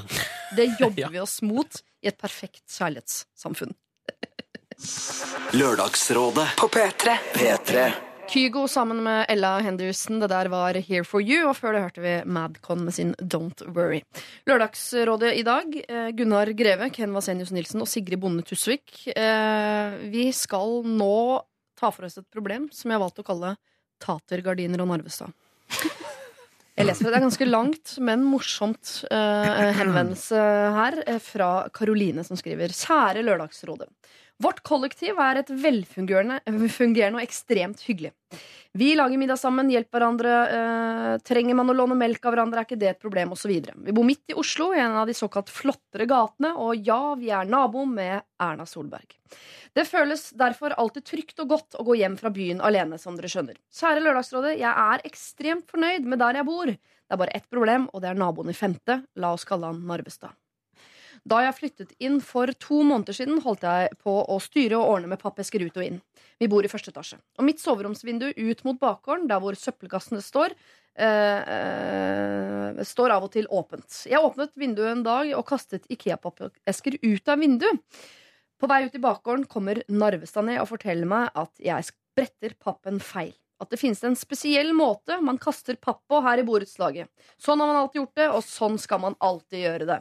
Jeg nikket, smilte, brettet pappen slik som han ønsket. Etter to uker i nabolaget ringer det på døren. Det er Narvestad. Denne gangen spør han om det er vi som har kastet en søppelpose fra Joker i søpla i dag, for den var ikke knytt på riktig måte. Både han og jeg har hund. Jeg har en fransk bulldog som ikke bjeffer, eller støyer. Han har en liten krøllete en som bjeffer hver søndag morgen og vekker hele blokka. Da jeg skulle lufte hunden min, fikk jeg beskjed om at jeg måtte passe på hvor jeg gikk med hunden, så jeg ikke tok for mye plass. Jeg måtte forstå at det var mange hunder her nå, og at jeg i hvert fall ikke kunne lufte hunden min i bakgården. Sånn var det. Sånn måtte det forbli. Disse eksemplene er ikke så nøye. Vi i kollektivet bare rister på hodet og ler litt av hendelsene. Men nå har det seg slik at her forleden så ringte det på igjen. Narvestad sto der. Samtalen gikk som følger. Disse gardinene i det ytterste soverommet, de bør skiftes. De kan ikke henge sånn. Det ser ut som tatere bor her. Samtale slutt. Nå har det seg slik at gardinene er 10 cm for korte til vinduet, og det øh, skjønner jeg at gir Narvestad søvnløshet. Men igjen, der sto jeg da, forfjamset og sjokkert. Det har seg faktisk slik at min kjære bestefar er tater, og jeg har vokst opp med slekta øh, mi som sier at det er noe vi skal være stolte av, og vi skal ikke diskrimineres for det. Så denne kommentaren fra naboen har virkelig eh, provosert meg voldsomt, og jeg syns det har gått for langt. Så, kjære Lørdagsrådet, hva bør jeg gjøre neste gang naboen ringer på? For det kommer til å skje. Jeg er redd for at dersom jeg sier noe, så vil denne personen gjøre tilværelsen i vårt nabolag til mindre hyggelig. Tips. Stor hilsen fra en tredjedels tater, Karoline. Wow. Mm. Først og fremst må vi alle borettslag, sameie, blokker de, har- de har en eller Ja. annen form for Narvestad. Mm. Mm. I en grad. Altså, den, dette er jo Narvestad med mellomnavn Hitler. Mm. Ja. Men de alle har én, liksom. Ja. Uh, og de må man bare finne ut hvordan man skal takle på et eller annet vis. Men han her føler jeg trenger en solid en på kjeften. Ja, Um, ja, i hvert fall Min erfaring er at den letteste måten å takle sånne folk på, er jo å avskrive de fra selve livet. Uh, altså ikke la de påvirke noen ting. Og egentlig Ta bare, livet av den, liksom? ja, nei, bare late som de ikke fins. Oh, ja. Overse, ikke si noe. Men det blir ikke han her Ikke han her en sånn type som hvis han blir behandlet på den måten der, føler at det er et, et rom å boltre seg i, og bare blir verre, blir hyppigere, blir oftere, blir mer Hitler. Ja, for Narvestad. Problemet med sånne Narvestad er jo at ingen tør å stoppe dem, for man blir så paff over at de turer fram med greiene sine at man lar dem nettopp At man enten overser det eller lar de bare holde på, så er det ingen som stopper dem. Han må jo stoppes. Hadde jeg vært ti år gutt, så hadde jeg sagt slå, slå han i ansiktet. da Altså jeg tenker nesten sånn I sånne tilfeller tenker jeg med en gang svar med samme mynt. Gjør noe som er Hva er det verste han Finne ut hva Narvestad- bestefaren hans sa for noe. Ja. Men hva, hva, hva kan du tenke det verste Narvestad kan oppleve? Det verste Narvestad kan oppleve, det er et sånt, du vet, et sånt oppslag i blokken som handler om han. Ja. uten Noe gærent han har gjort. Ja, men så, dette, denne her situasjonen med å komme på døren og si at du har tatt, den er jo så langt over grensen for hva til og med Hitler Narvestad kan tillate seg å gjøre på sin beste Ja, hva eller var verste dag. sitatet Eh, sitatet det var. Det ser ut som det bor tatere her. Og det gjør det jo, da. på Gardinene bør skifte. Men altså, det Ja. der det bare er noe hakkende gale. Det var synd at ikke ikke kom med den med en gang der. Vet du hva? Det gjør det faktisk. Ja. Eh, Jeg har bare tatt det ved rota med en gang. Jeg er tater. Så sett hva slags tryne han hadde satt opp da. Men uh, altså, det er litt straffa for å bo uh, på vestkanten nå, tror jeg. Der er det både N-ord og taterord Mm. slengt i huet og ræva til folk hele tiden. Og de, BO til bergensere.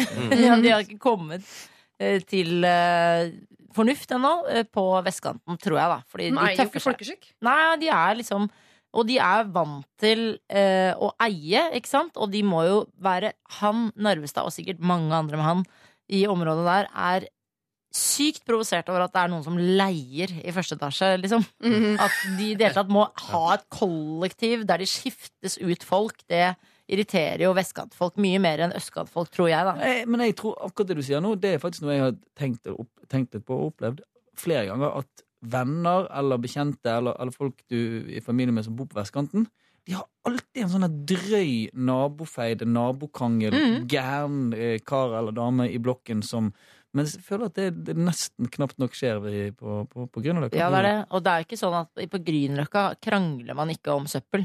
Altså der går man heller og irriterer seg over at alle er elendige på søppel. Mm. Eh, særlig fordi, eh, i hvert fall der, når jeg bodde på Grünerløkka, så satte jo folk senger og madrasser, barnevogner, bord og sånn ved siden av søppelbøtta, og tenkte sikkert alltid sånn De kommer og tar det til slutt. Ja, men det Altså- gjør de jo. De. På en dag er den senga borte, og det er ikke fordi han i fjerde har kommet til fornuft. Det er fordi han søppelfyren har blitt sett seg lei, og så har han knust den senga og tatt den med baki. Ja, av og til gjør de det, eller så må man gjøre det på dugnad. Men da er det sånn derre vær så snill, ikke gjør det sånn.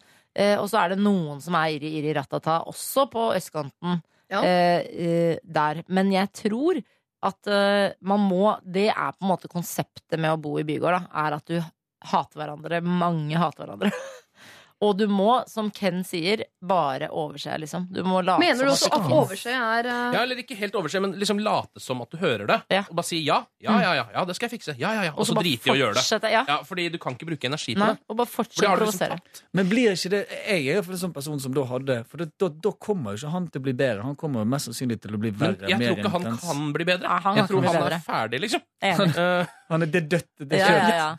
Ja. Ja, Han er men vestkantnervøs, hvordan da. skal, Han du er verste hvordan skal du oppdra en 60-70 år gammel gal fyr, liksom, som allerede har levd så mange år i bitterhet? Uh, jeg tror ikke det går an å omvende Men- han til den gode siden. Men man må heller ikke bli så krenka på den, på den tateruttalelsen, tror jeg. Fordi det er sånn man må eh, da, altså, Det må vi heller ta tak i samfunnet og slutte Mm. å si og alt mulig. Men å ta den der kampen der og, og, og føle seg så krenka på det, det tenker jeg eh, eh, Det må Altså, fordi vestkanten og veldig mange eldre mennesker kjører så mye rasismeprat. Mm. Man kan jo selvfølgelig alltid si til dem 'ikke si det, ikke si det, ikke si ditt', ikke si datt, og, og, og ta dem på det der og da. Ja. Men uh, vi kan, man kan ikke liksom lage en Man kan ikke skrive brev til styret og si sånn 'Han kalte meg tater, og da går ikke det'. Altså, Men du var jo veldig forkjemper en periode, Sigrid, det husker jeg godt. Jeg tror du egentlig fortsatt eh, er det. At du skulle kjefte på folk hvis du brukte N-ordet. ja, jeg sier alltid det. Ikke Ja. si det, sier jeg. Når noen Ja. sier det, så sier jeg umiddelbart 'ikke si N'. Men da Mm. burde jo Karoline Karoline som representant for uh, taterslekt være hun som sier 'ikke si tater'. Ja, ikke sant? Så hun Du bør si kan det si sånn. tater, men- eh, men ikke sett i en negativ Det er greit å si tater. Tater, tater, tater. Kan man si det? Ja, man kan si det. Hun sier det jo selv. også. Ja, ikke sant? Jo, men det er lov. Ja, det er det. Ja, men, ja. Men jeg tror at, uh, at man må også vite at uh, i første etasje Du bor i første etasje. Eh, alle de rikingene oppover hater deg. Eh, de ser ned på deg for du er student og betaler husleie og holder for på. korte gardiner. Ja, for korte gardiner, og det er helt krise. Og det må man litt Altså, man er Alle vi har vært der, og vært i den de som leier og ikke uh, gjør de riktige reglene, og man Men gir da må jeg få fullstendig lov til å faen. si eh, Dette er nemlig en ny eh, kampsak hos meg. Jeg velger jo ut fra sesong nye kampsaker. og dette er sesongens. Nå er jeg spent. Fordi eh, jeg, altså, jeg liker på en måte å fly litt, eh, litt under radaren for å liksom ha det mest mulig hyggelig og fint rundt meg. Så jeg kan unngå en del konflikter bare for å ha det hyggelig. Så sånn sett kan jeg tenke sånn, bare overse Narvsa, Si ja, og så fortsetter du som før, helt til neste gang han sier fra. Men jeg tror at sånne Du kan velge det. Det er mest behagelig for Karoline er å velge å bare overse Narvestad. Mm. Men hvis Karoline har en liten sånn øh, Liten del av seg som har lyst til å være en sånn som konfronterer og sier fra og sier stopp, så syns jeg jeg skal ta han her kraftig. Oi. For jeg har bestemt meg nå for i uh, tiden som kommer, hvis det er noen sånne eh, bedrevitere som kommer og forteller meg hvordan jeg skal gjøre ting, som er sånn uh, Flytt på posen som er sånn, som ikke klarer å si Hvis noen sier til meg Unnskyld, kan du flytte Ikea-posen din litt, for jeg eh, kunne tenkt meg å sette hunden min der. For mm. Selvfølgelig, jeg skal flytte Ikea-posen min. Hvis folk eh, kommer til meg eh, i tiden framover og sier sånn Nå må de flytte den der Ikea-posen din, da! Ja. Så er min eh, replikk tilbake her Hold kjeft! For jeg tror folk de, får, de blir aldri stoppet, fordi man blir så uh, forfjamsa. Sånn, ja, herregud, jeg flytter Ikea-posen, ikke tenk på det. Ja. Nå skal jeg begynne å si hold kjeft! Oi! Tilbake. Det er knallhardt. Ja, hold kjeft! Men Det skal jeg eh, også begynne å lære meg. Var det Karoline hun het? Ja, Hvis Karoline begynner- må si det til Ja, hvis eh, hun begynner å si det, så må hun da Fordi han er eh, den lille kongen på den lille haugen der. Så da må hun flytte, liksom. Fordi han vinner den kampen der, tror jeg. For han I eier det borettslaget. Han eier, mens du bare leier. Du er bare liksom, mener? Jeg tror han, Han kommer til å hate henne. Ja, han kommer til å hate kommer henne til å hate henne, men det kommer til Eh, å være så deilig for Karoline å bare si til en si mann som er vant til å kunne gjøre akkurat som han vil, fordi alle blir forfjamsa rundt han Hold kjeft! Og så ser du han drar seg inn i hulen sin som en sånn edderkopp som mista en av beina Jeg sine. tror det jeg, men kan være jeg får kick av de tingene. Jeg er ganske konfronterende. Men men alle, alle blir hatet av Hitler uansett. Altså Om du gir han et spenner han på kjeften, eller Ja. liksom gjør noe eh, Ikke gjør det rent fysisk, men, men gi han litt tilbake av samme mynt. Så tror jeg bare han kommer til å bli så forfjamset. Ingen Ja. tør å si imot. Og det er deilig for deg, og du, har, eh, eh, du får tømt begeret ditt, så du slipper å kjefte på de du er glad i. Ja. Det betyr at jeg kan være enda snillere mot lokføreren, enda snillere mot barna mine. For jeg har sagt 'hold kjeft' til Berit på bussholdeplassen. Men tror du ikke han er en sånn type som sitter i styret og kan lage eh, jæskla mye styr, da? Ut. Ja. Jo, det, jeg har kan, også det, vært det er redd. jo selvfølgelig er inne på konsekvensanalyser. Ja, som hvis hun kan liker jo å bo Men hvis veldig hun er godt, en så- tredjedel tater, så syns hun vel det er helt toppellopp å måtte flytte innimellom. Tror dere ikke det, da? Det kan, ja, jeg vet ikke om en, tredjedel ja. Er, ikke det, er ikke det kulturen deres? Jo, men en tredjedels, da, da liker du å bo på øst- Ja, da, vestkanten. da er to tredjedeler av deg vil bo et sted. Så, Eh, Nei, jeg tror at uh, dette er vanskelig. Men uh, du bør jo begynne å leie oss i kjelleren til Erna Solberg istedenfor. Det hadde vært mye smartere. Men hva, kan, kanskje vi fokuserer litt over på hvis vi skal gjøre noe, da? Hva er det vi skal gjøre? Hva, eller hva er det hun skal gjøre? Hvordan skal hun på en måte sanksjonere eller reagere for å få Hitler Navstad til å skjerpe seg. Skjerpe seg? Eller, vært, eller eh, forandre seg, i beste fall? Mm. Da Jeg føler det jeg har vært tydelig på mitt uh, roll, og det er å si Hold Hold kjeft. Men det føler jeg litt sånn Den er litt Den, den liksom Den er den har mistet mistet litt effekten hvis vi nå møter han etter en uke eller to og bare plutselig Ja, men neste gang kommer du og sier noe, da. Ja. Nå har du ikke, Han nå har du ikke posta brev riktig i postkassa. Hold kjeft! Det er knallhardt. Ja, Og jeg gruer meg sånn. til å begynne å gjøre det. Det kan hende at han uh, syns det er såpass ukomfortabelt å bli bedt om å holde kjeft hele tiden at han kommer til å slutte å At han Det faktisk kan holder hende seg. at man kan si Kan Du kan jo være høflig også mot andre, vet du. Selv om du er kongen på den lille haugen din. Man kan jo Mm. si sånn. Ja, Eller replikken som jeg har brukt i mange mange år nå, som jeg da bytter ut med hold kjeft. Ikke la det dårlige humøret ditt gå utover meg. Og, du den er fin. Mm. Den liker jeg bedre.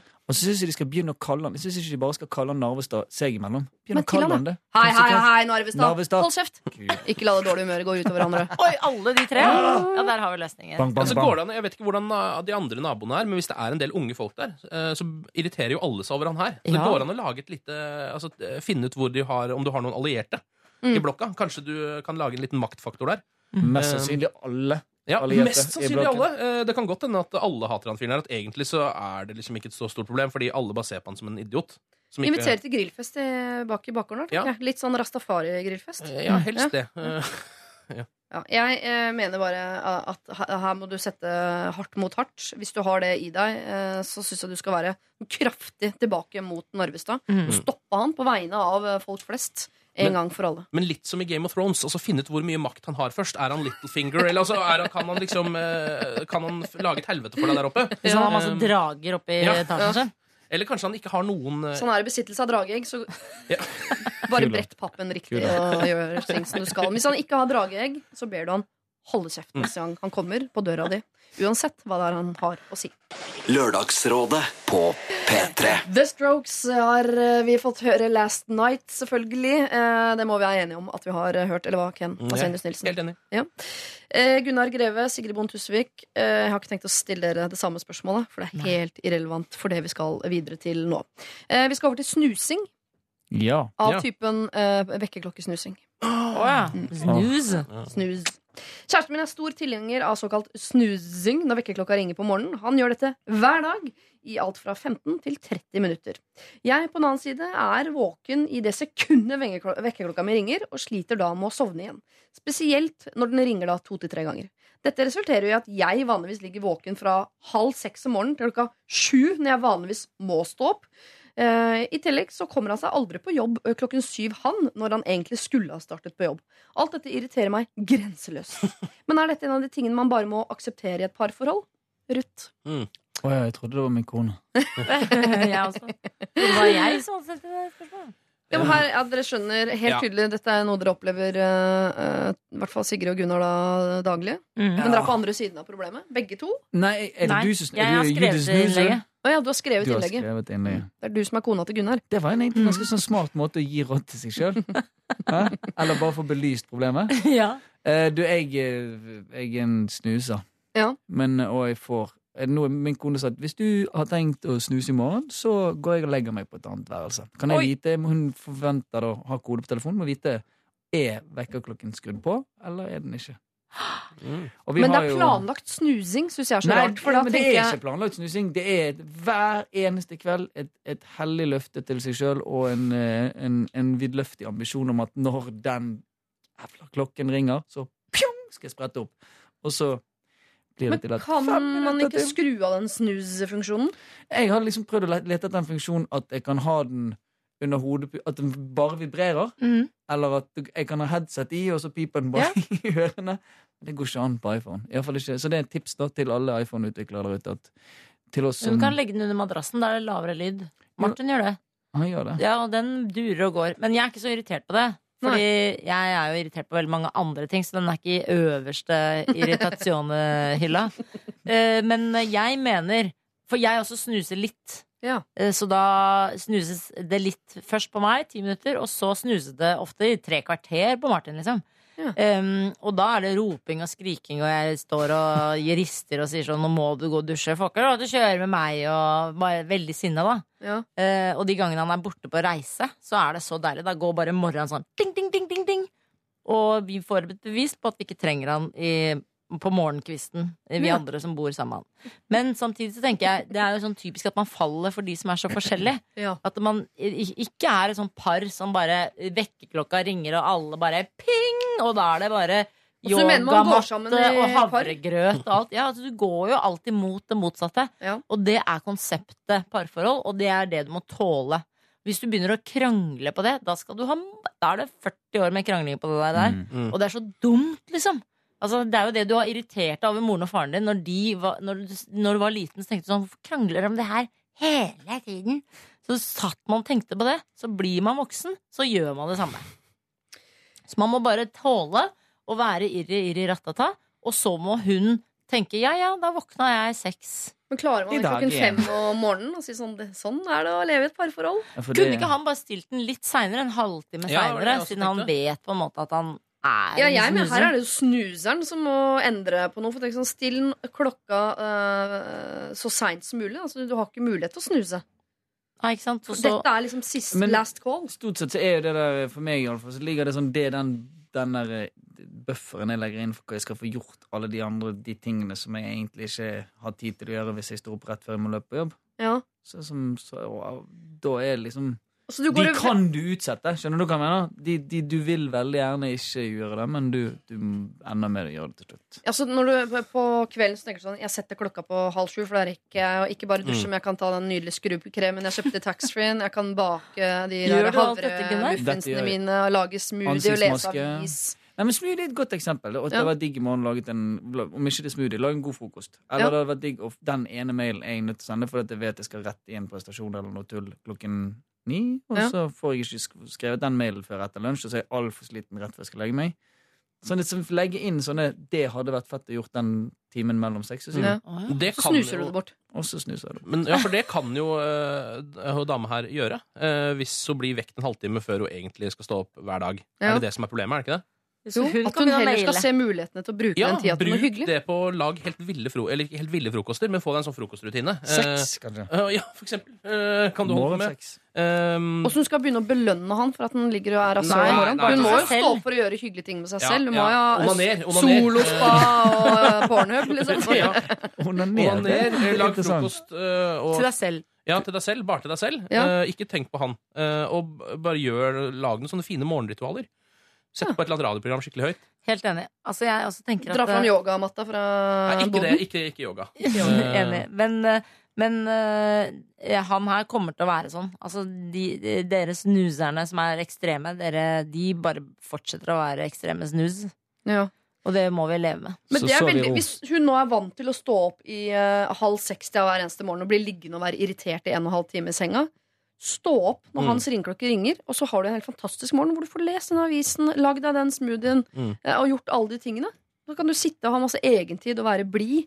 Uh, Istedenfor å ligge ved siden av han og murre. Så kan du snakke masse om det til han, eh, sånn at han også får lyst til å stå opp. Uh, Istedenfor å ligge og snuse. Fordi det er så hyggelig. Du har så mye frokost på gang. Eller lese bok, eller høre på podkast. Og, og Mm. ikke irritere deg over at han kom for sent på jobben. Sånn. Ikke gå inn og vekk, og ikke føl noe ansvar for at han skal være populær på sin arbeidsplass. Nei. Det hadde jeg tenkt sånn Du, dette får du fikse på egen hånd. Jeg driver med yoga, jeg nå. Mm. I dagligstuen. Det her er det bare å It's- det, Jeg tror vi lander der, Ja, er folkens. ikke det da? Jo. Ja. Ruth, eh, fortsett å stå opp når hans klokke ringer, og så bruker du den tida til noe hyggelig istedenfor å ligge ved siden av han snuseren og irritere deg en grønn. Det blir en veldig veldig fin start på dagen. At du får litt ekstra god tid. Herregud, det der er ikke bare til Ruth, ass. Det er til Sigrid, blant annet. Kona til Gunnar. Alle. Og en Alle del tar det her eh, folk. seg. Halvparten av alle par der ute, vil jeg anta. Yeah. Vær så god. Lørdagsrådet På P3. P3 Turboneger, uh, The Age of Pamperius, har vi fått servert i Lørdagsrådet her på NRK P3. Og her sitter jeg sammen med Gunnar Greve, Sigrid Bonde Tusvik og Ken Vasenius Nilsen. Mm. Og vi skal ta tak i et problem som inneholder en um,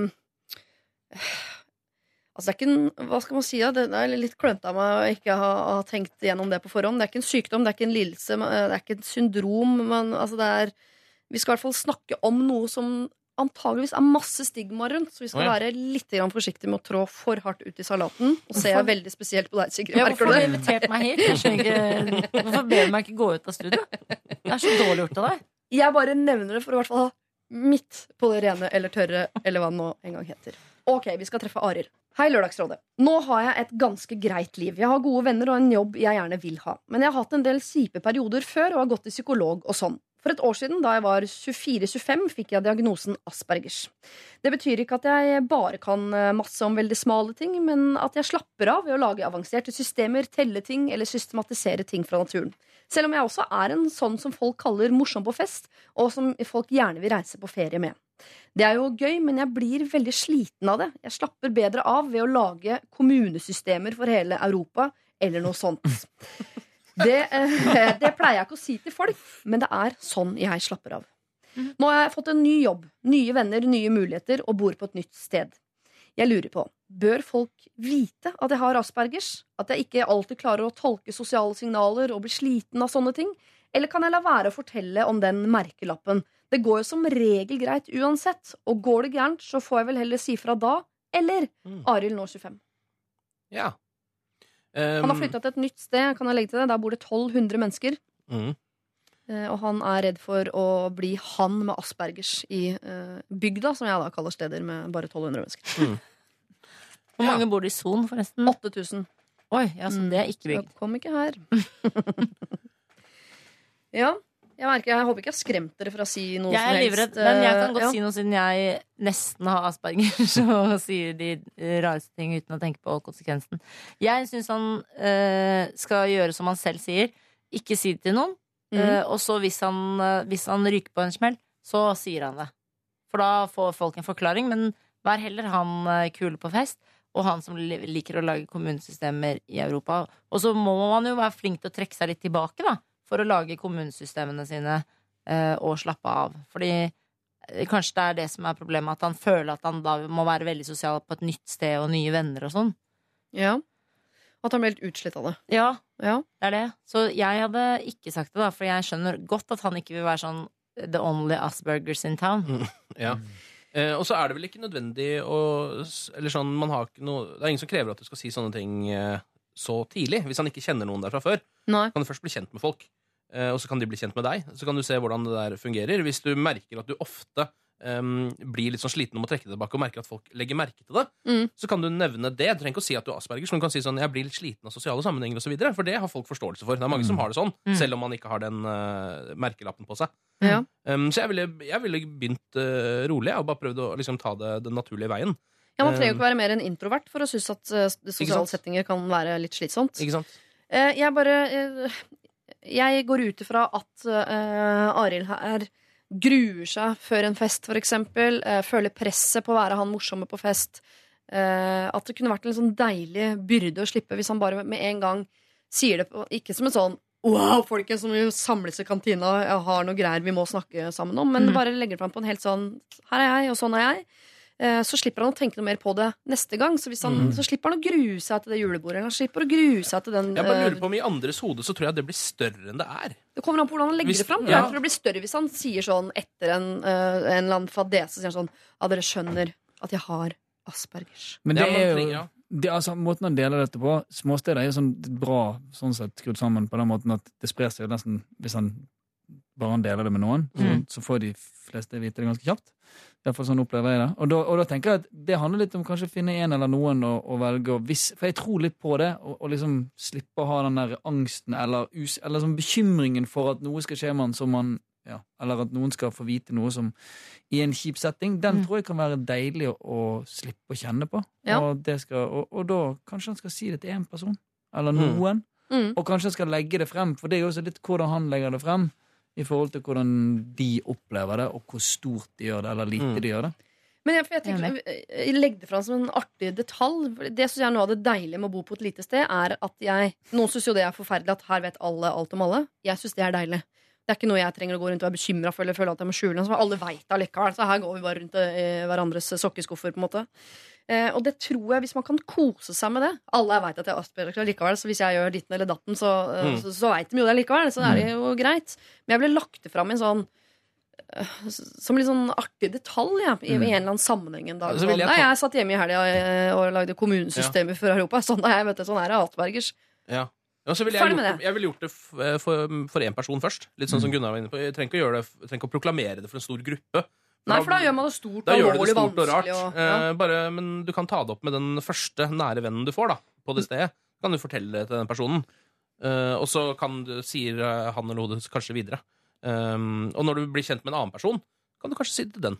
Sånn på enmannshånd. Eller Ja. to, tomannshånd. Men er det ikke litt sånn at man ikke tuller så mye om at man har aspergers, egentlig? Hvis man, altså jeg tuller liksom nå, og jeg har litt aspergers, altså, men når man faktisk har asperger, så tuller man jo ikke så mye om Altså, da slenger man ikke ut sånn, for jeg har asperger, vet du. Da er det jo faktisk litt Nei, men jeg tenker legg det fram som det er, ikke, det er jo selvfølgelig ikke en detalj i livet hans, men legg det fram som en uh, opplysning om uh, hvordan du er som person. Ikke legg det fram som en sånn stor, mørk, Mm. farlig, dyster hemmelighet. Nei. Der er vi i hvert fall heldige som lever i, i det samfunnet nå der Mm. det ikke er sånn derre Herregud, fabrikken stopper opp, og alle slipper alt i hendene og får høre. Det er jo veldig mange som sliter, sliter med veldig mange forskjellige ting. Og det er jo mer og mer vanlig å si 'jeg går til psykolog', 'jeg sliter med det', 'jeg har ME', jeg eh, Ja. Vi er mer tolerante. sånt. Ja. Vi er jo det. Så folk syns ikke det er helt sånn derre Og det blir jo bedre og bedre jo flere, jo flere Arild som står fram med Mm. å bare si Ja. fram det, jo, blir det, jo lettere. Det blir færre stigma, det blir mindre alvorlig. Altså det blir liksom en, en ting som folk kan snakke om på en vanlig måte, istedenfor at det bare er en sånn rar merkelapp. Da. Ja, eller at alle bare Hva er det med han, da? Sånn- At du får sånn raringstempel uten at Og bare får andre rykte på deg. De er en megaressurs. Altså han, eh, det må han jo også være klar over. At det, og, og jeg syns bare man Ja, vi har kommet ganske langt, men vi kan godt komme enda lenger i å se at forskjellene hos folk er det som gjør at verden er spennende, og det som Mm. gjør at verden går framover. Og det, eh, det er det vi burde verdsette. Mm. Nettopp at det er en fyr som lager kommunestyresystemet i helga, istedenfor å være en av de 2000 andre i bygda. Det er flere enn de som bor der, men drit i matten. eh, som bare skal sitte og høre på Jokke og drikke Ringnes, liksom. Mm. Ære være, tenker jeg. Mm. Eh, men så hvis han tør det, har ballene til å stå fram med det, så tenker jeg at han bare, jo før, jo bedre. tenker jeg Og så- Enig. jeg synes Men dere må ikke være enige med meg, altså. Jo, men jeg er veldig enig. Og så syns Ja. jeg han kan være bitte litt tillate seg å være litt strategisk på hvem han velger å si det til. også. Ja. Altså, du kan velge, Det er ikke nødvendigvis at du velger han eller hun eller den eller de som du på en måte er best venn med, men det kan være det er en fyr i et sånt, en, på et lite sted som, som kanskje er han empatiske, han som som deler på Ja, en samlende fyr eller person eller, eller dame som ikke, ikke går for sladrehanken. Ikke går for um, nabokaren eller nabokjerringa som jeg, jeg, jeg vet ikke. Hvorfor ikke sladreanken? Da veit da alle det. Du, ja, det er er du sikret spredningen, men kanskje du er på mer sånn god spredning. Ikke sjefen, for han har taushetsplikt, for eksempel. Så er det like Ja. langt dagen etter. Ja. Hva tenker Ken og Sigrid? Dere var jo litt usikre på det. Mente dere skulle vente til uh... Ja, nei, jeg bare jeg, jeg bare jeg, jeg tenker litt selv at hvis jeg skulle ha blitt kjent med en hel uh, ny bygd med mennesker, Mm. um, så ville jeg liksom ikke hatt Jeg ville at de skulle blitt kjent med meg som meg uten å ha noe som helst sånn merkelapp hengende over der i starten. Ja. Eh, Så kan det heller komme etter hvert. Er- Man lærer jo mm, masse folk når man blir kjent med dem. Ja. Kan jo ikke alltid i starten. Eh, Men jeg bare tror det kan være jeg bare, Selv om det, sånn, det hadde ikke vært sånn for meg, men jeg tror det kan være sånn at mange vil at det blir veldig sånn avskrekkende for mange. At de vil sånn Oi, hæ, hva er det for noe? Bla, bla, bla. Så, skjønner du hva jeg mener? Mm. Og så er de mer opptatt av det, og tenker på det som han med Aspergers istedenfor sånn Arild. Ja. Det er Arild, liksom. Han driver med det og det. Det er Eh, den merkelappen han er eh, redd for. Jeg bare Ja. Hvis på et eller annet det- det- tidspunkt det skal komme fram uansett, så er det greit å få sagt det med en gang. Så slipper han å gå liksom grue seg og lure på om folk veit om man skal si det. Når tråkker Ja. jeg feil? Ja, så Det høres så slitsomt ut. Ja. jeg snur og er enig med deg, selv om du ikke vil at vi skal være enig med deg. Du sier det på sånn sint måte. Ja. Dere trenger ikke være enig med meg her i dag. Alle vet at vi aldri blir invitert Hold tilbake kjeft. hvis vi Hold kjeft. Arild, hvis du tør, så tror jeg det aller beste å gjøre er å, å si fra ganske tidlig. Ikke legg det fram som en sånn svær greie, men legg det fram på en sånn fin måte til én person du kanskje har litt bedre kjemi med enn de andre foreløpig. Og så ser du hvordan det går. Folk kommer til å få vite det via via, og kanskje når du har sagt det til én, så er det mer komfortabel med å si det til to, osv. Eh, Men den eh, hemmeligheten her trenger ikke å være en hemmelighet. Og hvorfor skal man bære på hemmeligheter som ikke trenger å være en hemmelighet engang? Jeg tror jeg bare livet ditt blir mer slitsomt enn det høres ut som det allerede er, for å være helt eh, ærlig. Lykke til.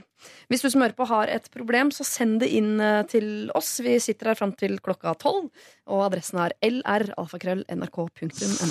Lørdagsrådet på P3. P3. Hi, As A Kite, eh, Darth Vader, uh, var uh, det vi hørte der. Det er jo favorittbandet til hele P3, vil jeg tro. High As A Kite. Veldig mange som er glad i det. Veldig mange. Nå fikk du surefjes, Ken Vasenus Nilsen. Nei da. Jeg syns det er helt ålreit band. Altså. Ja. i Ja, for du hyper det ikke så mye som alle andre Nei. i P3. Jeg er litt irritert over bandnavnet, faktisk. Men det er fordi du er Eh, sånn indie-cred-fyr? så Fordi mange liker det, så kan du ikke like det. Ja, jo, jeg liker det ganske godt, altså. Hvilket band liker du som, som flest andre liker også? Uh, som flest andre liker. Ja. Um, oi, hva er det, da? Jeg liker jo jeg, Susanne Sundfør. Bandet Susanne Sundfør. Ja. Den var safe. Den var jævlig safe. Den er safe. veldig safe. Kom igjen. Kom. Admiral P. Åh, Ja, jeg, le- Det var litt, ja, jeg, eh, jeg, liker, jeg liker han, men jeg liker egentlig personligheten hans kanskje bedre enn musikken. eh, Men Nå trodde du snakket om Sondre Lyng. Hæ? Nei, bare ingenting. Sandra Lyng Jeg er ikke så glad i Sandra Lyng. Eh, Jeg liker personligheten bedre enn musikken. Jeg har lyst til å ha Sandra Lyng som dukke hjemme hos meg. Ja, det tror jeg, ikke- det tror jeg er ulovlig. Men- Ikke knulledukke, men som kosedyr. Så har jeg bare lyst til å ha I henne hjemme sofaen? liggende til pynt. Det går an å fikse Det kan du til gjøre. rett, til rett pris. Til rett pris. Hvor mye skal dere ha for en sånn gig? Eh, Kosedukke-gig ja, hjemme hos deg. 24 timer, for eksempel. Mm. Eh, La oss ta, jeg tror ikke vi skal ta det på luften. 70 000, eh, da. Plutselig ble Gunnar Greve pimp. I forhold Pimp og manager. Det er to sider av samme sak. Ja, det er det. Det er veldig, veldig samme. Åh, dere, eh, vi skal ta et uh, problem. Det er vanskelig å gå over til dette problemet nå uh, med en pimp som rådgiver. Eh, Men får prøve å legge lokk på det nå de neste syv til åtte minuttene. Så Så vi hvem vi er, eller? Eh, Jeg har allerede sagt hvem du er. ok. Og sagt hvem Gunnar er. Og hun kråka på sida her, tror jeg alle hører hvem er. Sigrid. Sigrid. Hei, jeg trenger hjelp fra det fantastiske Lørdagsrådet. det. Gra. Jeg fant nylig ut at jeg er gravid. Fire uker på vei. Dette er mitt andre barn, og jeg har mest lyst til å skrike det ut i hele verden, men har bestemt meg for å prøve å holde det til selveste julaften. Med mindre kroppen min avslører meg før den tid. Over til problemet. Jeg er venninne med Lisa Tønne. Nei da. Var det meg? Ja, så herregud, er det meg. I år skal vi feire med svigerfamilie, hvor ett av søsknene til mannen min nylig hadde en gravid kone. Men da de var på ultralyd i tiende uke, så eh, var det noe som var eh, galt. De har også et barn fra før, eh, men de hadde prøvd lenge å få barn nummer to. Tror dere det vil være sårende for dem dersom vi forteller om vår lykke, eller er det greit? Eventuelt om dere mener at det vil være et skår i gleden deres på julaften. Har dere noen andre forslag til morsomme måter å avsløre en graviditet på overfor kommende besteforeldre? Ville så klart avslørt det på en ydmyk og nedtonet måte overfor de som har prøvd en stund, samt mistet. Jeg er som sagt hemmelig gravid, så kall meg fru CH. CH som i Copenhagen. Mm Jeg syns det var veldig empatisk, jeg, først og fremst. Mm. At hun tenkte på de. Ja. For man har jo lett for å tenke på seg sjøl i en sånn sammenheng. med. Ja.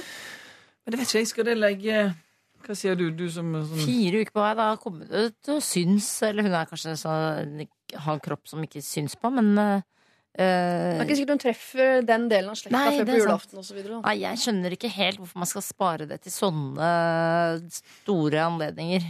Er Nei. ikke graviditet nummer to ganske kjedelig info for folk? Jo, Jo. så det er ikke liksom sånn at eh, da, da, da legger du det veldig opp til at folk skal juble og sånn, og da med da den, Da den andre familien som ikke har hatt det så veldig gøy, så er jo ikke det noe Mm. vits i. Så jeg skjønner ikke hvorfor hun i det hele tatt vurderer det.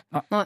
Altså, det er jo bare å si, sånn nesten på en SMS, liksom, send ut et bilde Ja. av det derre uh, ultralydbildet. Også, Altså Den festen det er å, å fortelle folk for første gang at du er gravid, den festen dukker ikke opp igjen på runde nummer to. Nei, det ganske, gjør- det- Bortsett fra oss der i veggen, da, selvfølgelig. Men vi skal, ikke helt, vi skal ikke helt ta fra hun gleden som hun åpenbart har ved å Spare det til julaften. Nei, vi ikke spare det. Altså, jeg synes, dropp julaften, dropp svigerfamilie. To fryktelig dårlige ideer. Men vi må samtidig på en måte unne henne. Det er tydelig åpenbart at, for, at det, det betyr kanskje litt mer for henne enn det gjorde for dere to. Ja, tydeligvis. Tydeligvis.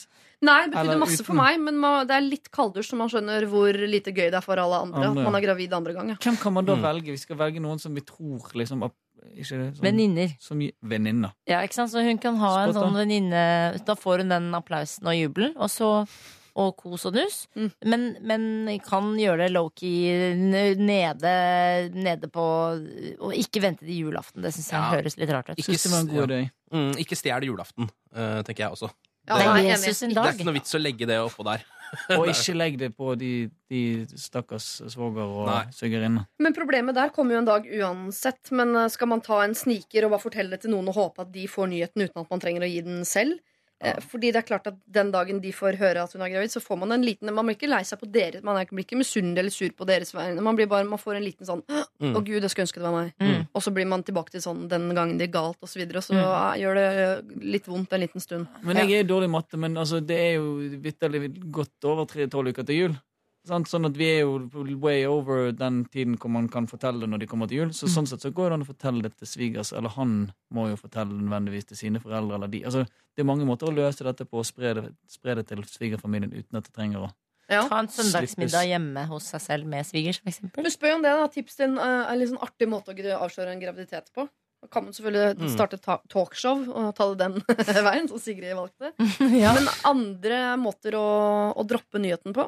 Sendt et vet- bilde er eh, forslag på bordet. Det er mulig at det kanskje, siden jeg ikke har barn, at det er bare jeg som syns Men jeg tenker sånn, trenger, det å være sånn, trenger man å gjøre det på en artig måte? Kan man ikke bare gjøre det, liksom? Jeg, Jeg tror hun vil gjøre det på en artig måte. Mm. Så hun Ja. syns sånn er gøy, og det er jo veldig mange som syns, tror jeg, og gleder seg. Og også masse gutter som syns det er gøy å vise bilder og si det på jobben. Og, ja. Jeg var Eh, kjempestolt, jeg. ja. Jeg fortalte om min andre datter. så det er veldig Og det er litt koselig, egentlig, at folk eh, feirer, og det er jo fint å feire livet.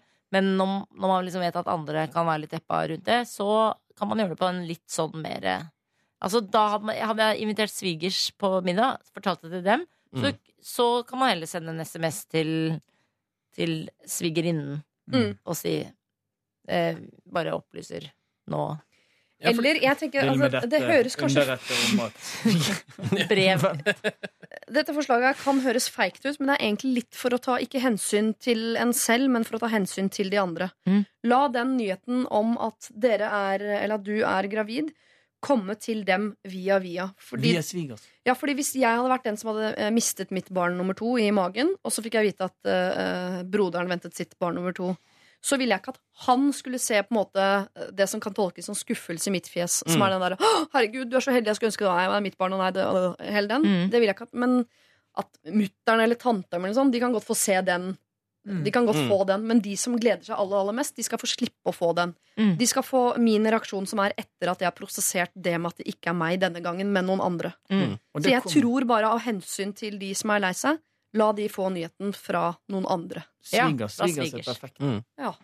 Ja, men da, for, ja, fordi da burde du jo kjøre venninnelag for å få den lille feiringa, lille festen som vi ha. Mm. Um, og så eh, bare si det til svigers og andre, sånn litt sånn vanlig, sånn som eh, jeg eh, møter folk, mm. og så sier de 'jeg er gravid'. Eh, Og så sier jeg 'å ja, ok', og så snakker vi litt om det.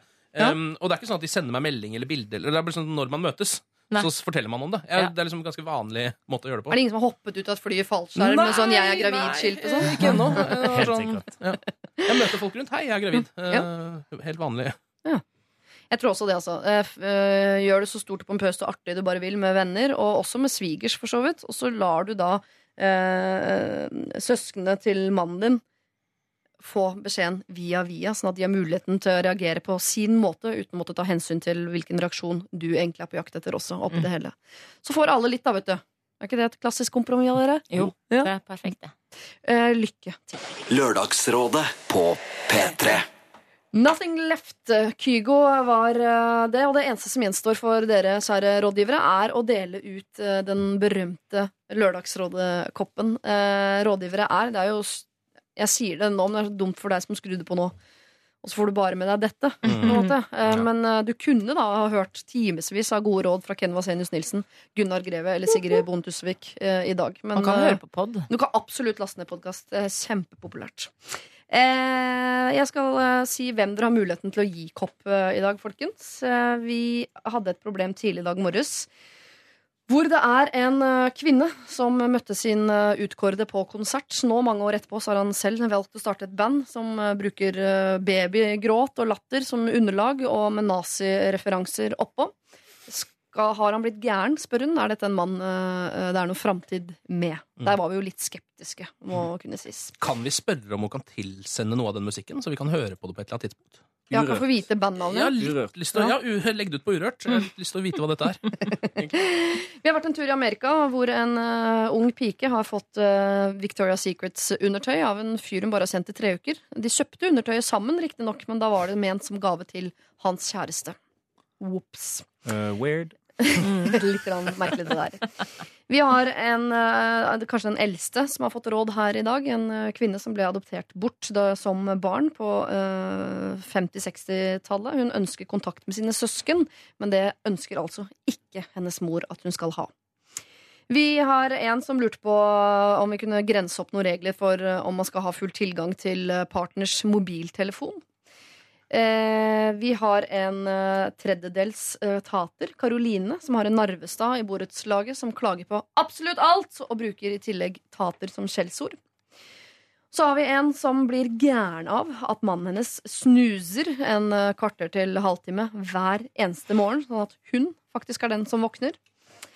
Så har vi en uh, Arild som lurer på om han skal fortelle folket på, på sin nye arbeidsplass og i sin nye bygd at han har aspergers. Og til sist her så har vi jo da hun som er gravid og glad for det. Hun bare vet ikke helt hvordan hun skal fortelle det til familien, fordi der er det et annet par som nylig har mistet sitt ufødte barn. Mm. Hvem fortjener kopp? Um, den som jeg sitter igjen med aller mest eh, sympati for, eh, er vel adoptert kvinne, tror jeg. Bare fordi det var den mest uløselige eh, av alle situasjonene i dag, føler jeg selv. da. Mm. Eller vanskeligst å løse, i hvert fall. Den er ikke uløselig, men det er, det er dritvanskelig. Litt sånn Eh, 'sorry, vi kom ikke på noen gode råd', vi her har du en kopp. Ja, vi er på en måte litt sånn. Det er ekstremt vanskelig terreng, og vi hadde, var litt sånn, hadde ikke på oss gode nok sko til å tråkke i det terrenget akkurat i dag. Eh, så en liten kopp eh, Vi må ta lang utdannelse først. ja. Eh, liten kopp der. Kanskje kunne vært et bitte lite plaster, i hvert fall. Eller Asperger kan også få, da. Ja, Ja. Arild. Arild som skal eh, kanskje fortelle. Ja, absolutt. Du ser på meg som jeg sitter på løsningen her. Her må dere bli enige, dere imellom. Snusofferet. Mest fordi jeg føler meg truffet, iallfall offisielt. Men egentlig fordi jeg tror det er min kone som skrev at jeg har veldig lyst Og du har en så sånn lyst på sånn kopp, ja. Du håper det er henne. Ja. Ja. Nei, men, eh, men jeg kan være litt med på den eh, Selv om det er litt sånn stakkarslig at det, vi har, ja, som du var inne på, vi har Mm. ikke noe spesielt godt råd å gi deg, men vi har en fet kopp. Ja, men Det er bra trøstepremie. Det er det. Ja, det er De andre har fått fete råd. Mhm. Ja, det var der vi kom mest til kort i dag, var det ikke det? Så kanskje vi skal uh... Vi kom til kopp. Ja, vi kom til kopp der. kom til kopp. Eh, Og så er hun i generasjonen som elsker kopp. Og bruker det mye. Mhm. Når begynner den generasjonen? Ja, den har begynt hos meg, for å si det sånn. Elsker kopp. Uh, ja. Er dere enige? Vi kan godt være enige. Mm. Du virker litt sånn likegyldig der på andre, andre siden av bordet. Er du, Nei, så har du ingen råd til oss? Nei, for første gang i dag så, uh, så trenger jeg ikke å, å bruke den makten jeg elsker å, å bruke. si hold kjeft bare hold. slappe av litt. så dette er mitt slappe-av-fjes. Det kan se litt uh, likegyldig ut. Det fjeset får du bruker oftere. Det er et godt fjes. slappe, Ja. slappefjeset. Mm. Jeg får dårlig deksjon av det. Som du hører. Ja. ostesmørbrød og ja. Ostesmørbrødfjeset mitt, det skal du få se en annen gang. Men det er mye mer anstrengt og mer preget av smil og latter. Mm. Dere, tusen takk. Dere har gitt veldig mange gode råd eh, i dag, som jeg anbefaler deg som nettopp har skrudd på, å laste ned og høre eh, for første gang. Eller for deg som allerede har hørt dem, så kan det være greit å høre dem en gang til. Kom noen gullkorn der som eh, drukner i hav av skvaldring sånn fra tid til annen. Nå ser jeg på deg igjen, Sigrid. Det er tilfeldig. Eh, tusen takk for i dag, alle sammen. Jeg håper vi ses igjen snart. God lørdag. Lørdagsrådet på P3. Det gjenstår for meg å si at vi er tilbake om en uke her i Lørdagsrådet. Tre nye rådgivere og en bunke nye problemer. Et av de kan være ditt, selvfølgelig, hvis du sender det inn til lralfakrøll.nrk.no. Enn så lenge, lenge så må du gjerne laste ned podkast til dette programmet. Både dagens eh, utgave og gjerne også tidligere utgaver. Vi har holdt på i årevis for deg som kanskje ikke visste det, som er eh, ny lytter av eh, dagen. Bli vår venn på eh, Facebook, eller bare fortsett å nyte dagen uten å røre en eneste telefon eller maskin, hvis det er det som gleder deg i helga. Vi får straks nyheter. Fram dit får du Hailey Steinfeld. Dette her er Love Myself. Ha en fortreffelig god lørdag.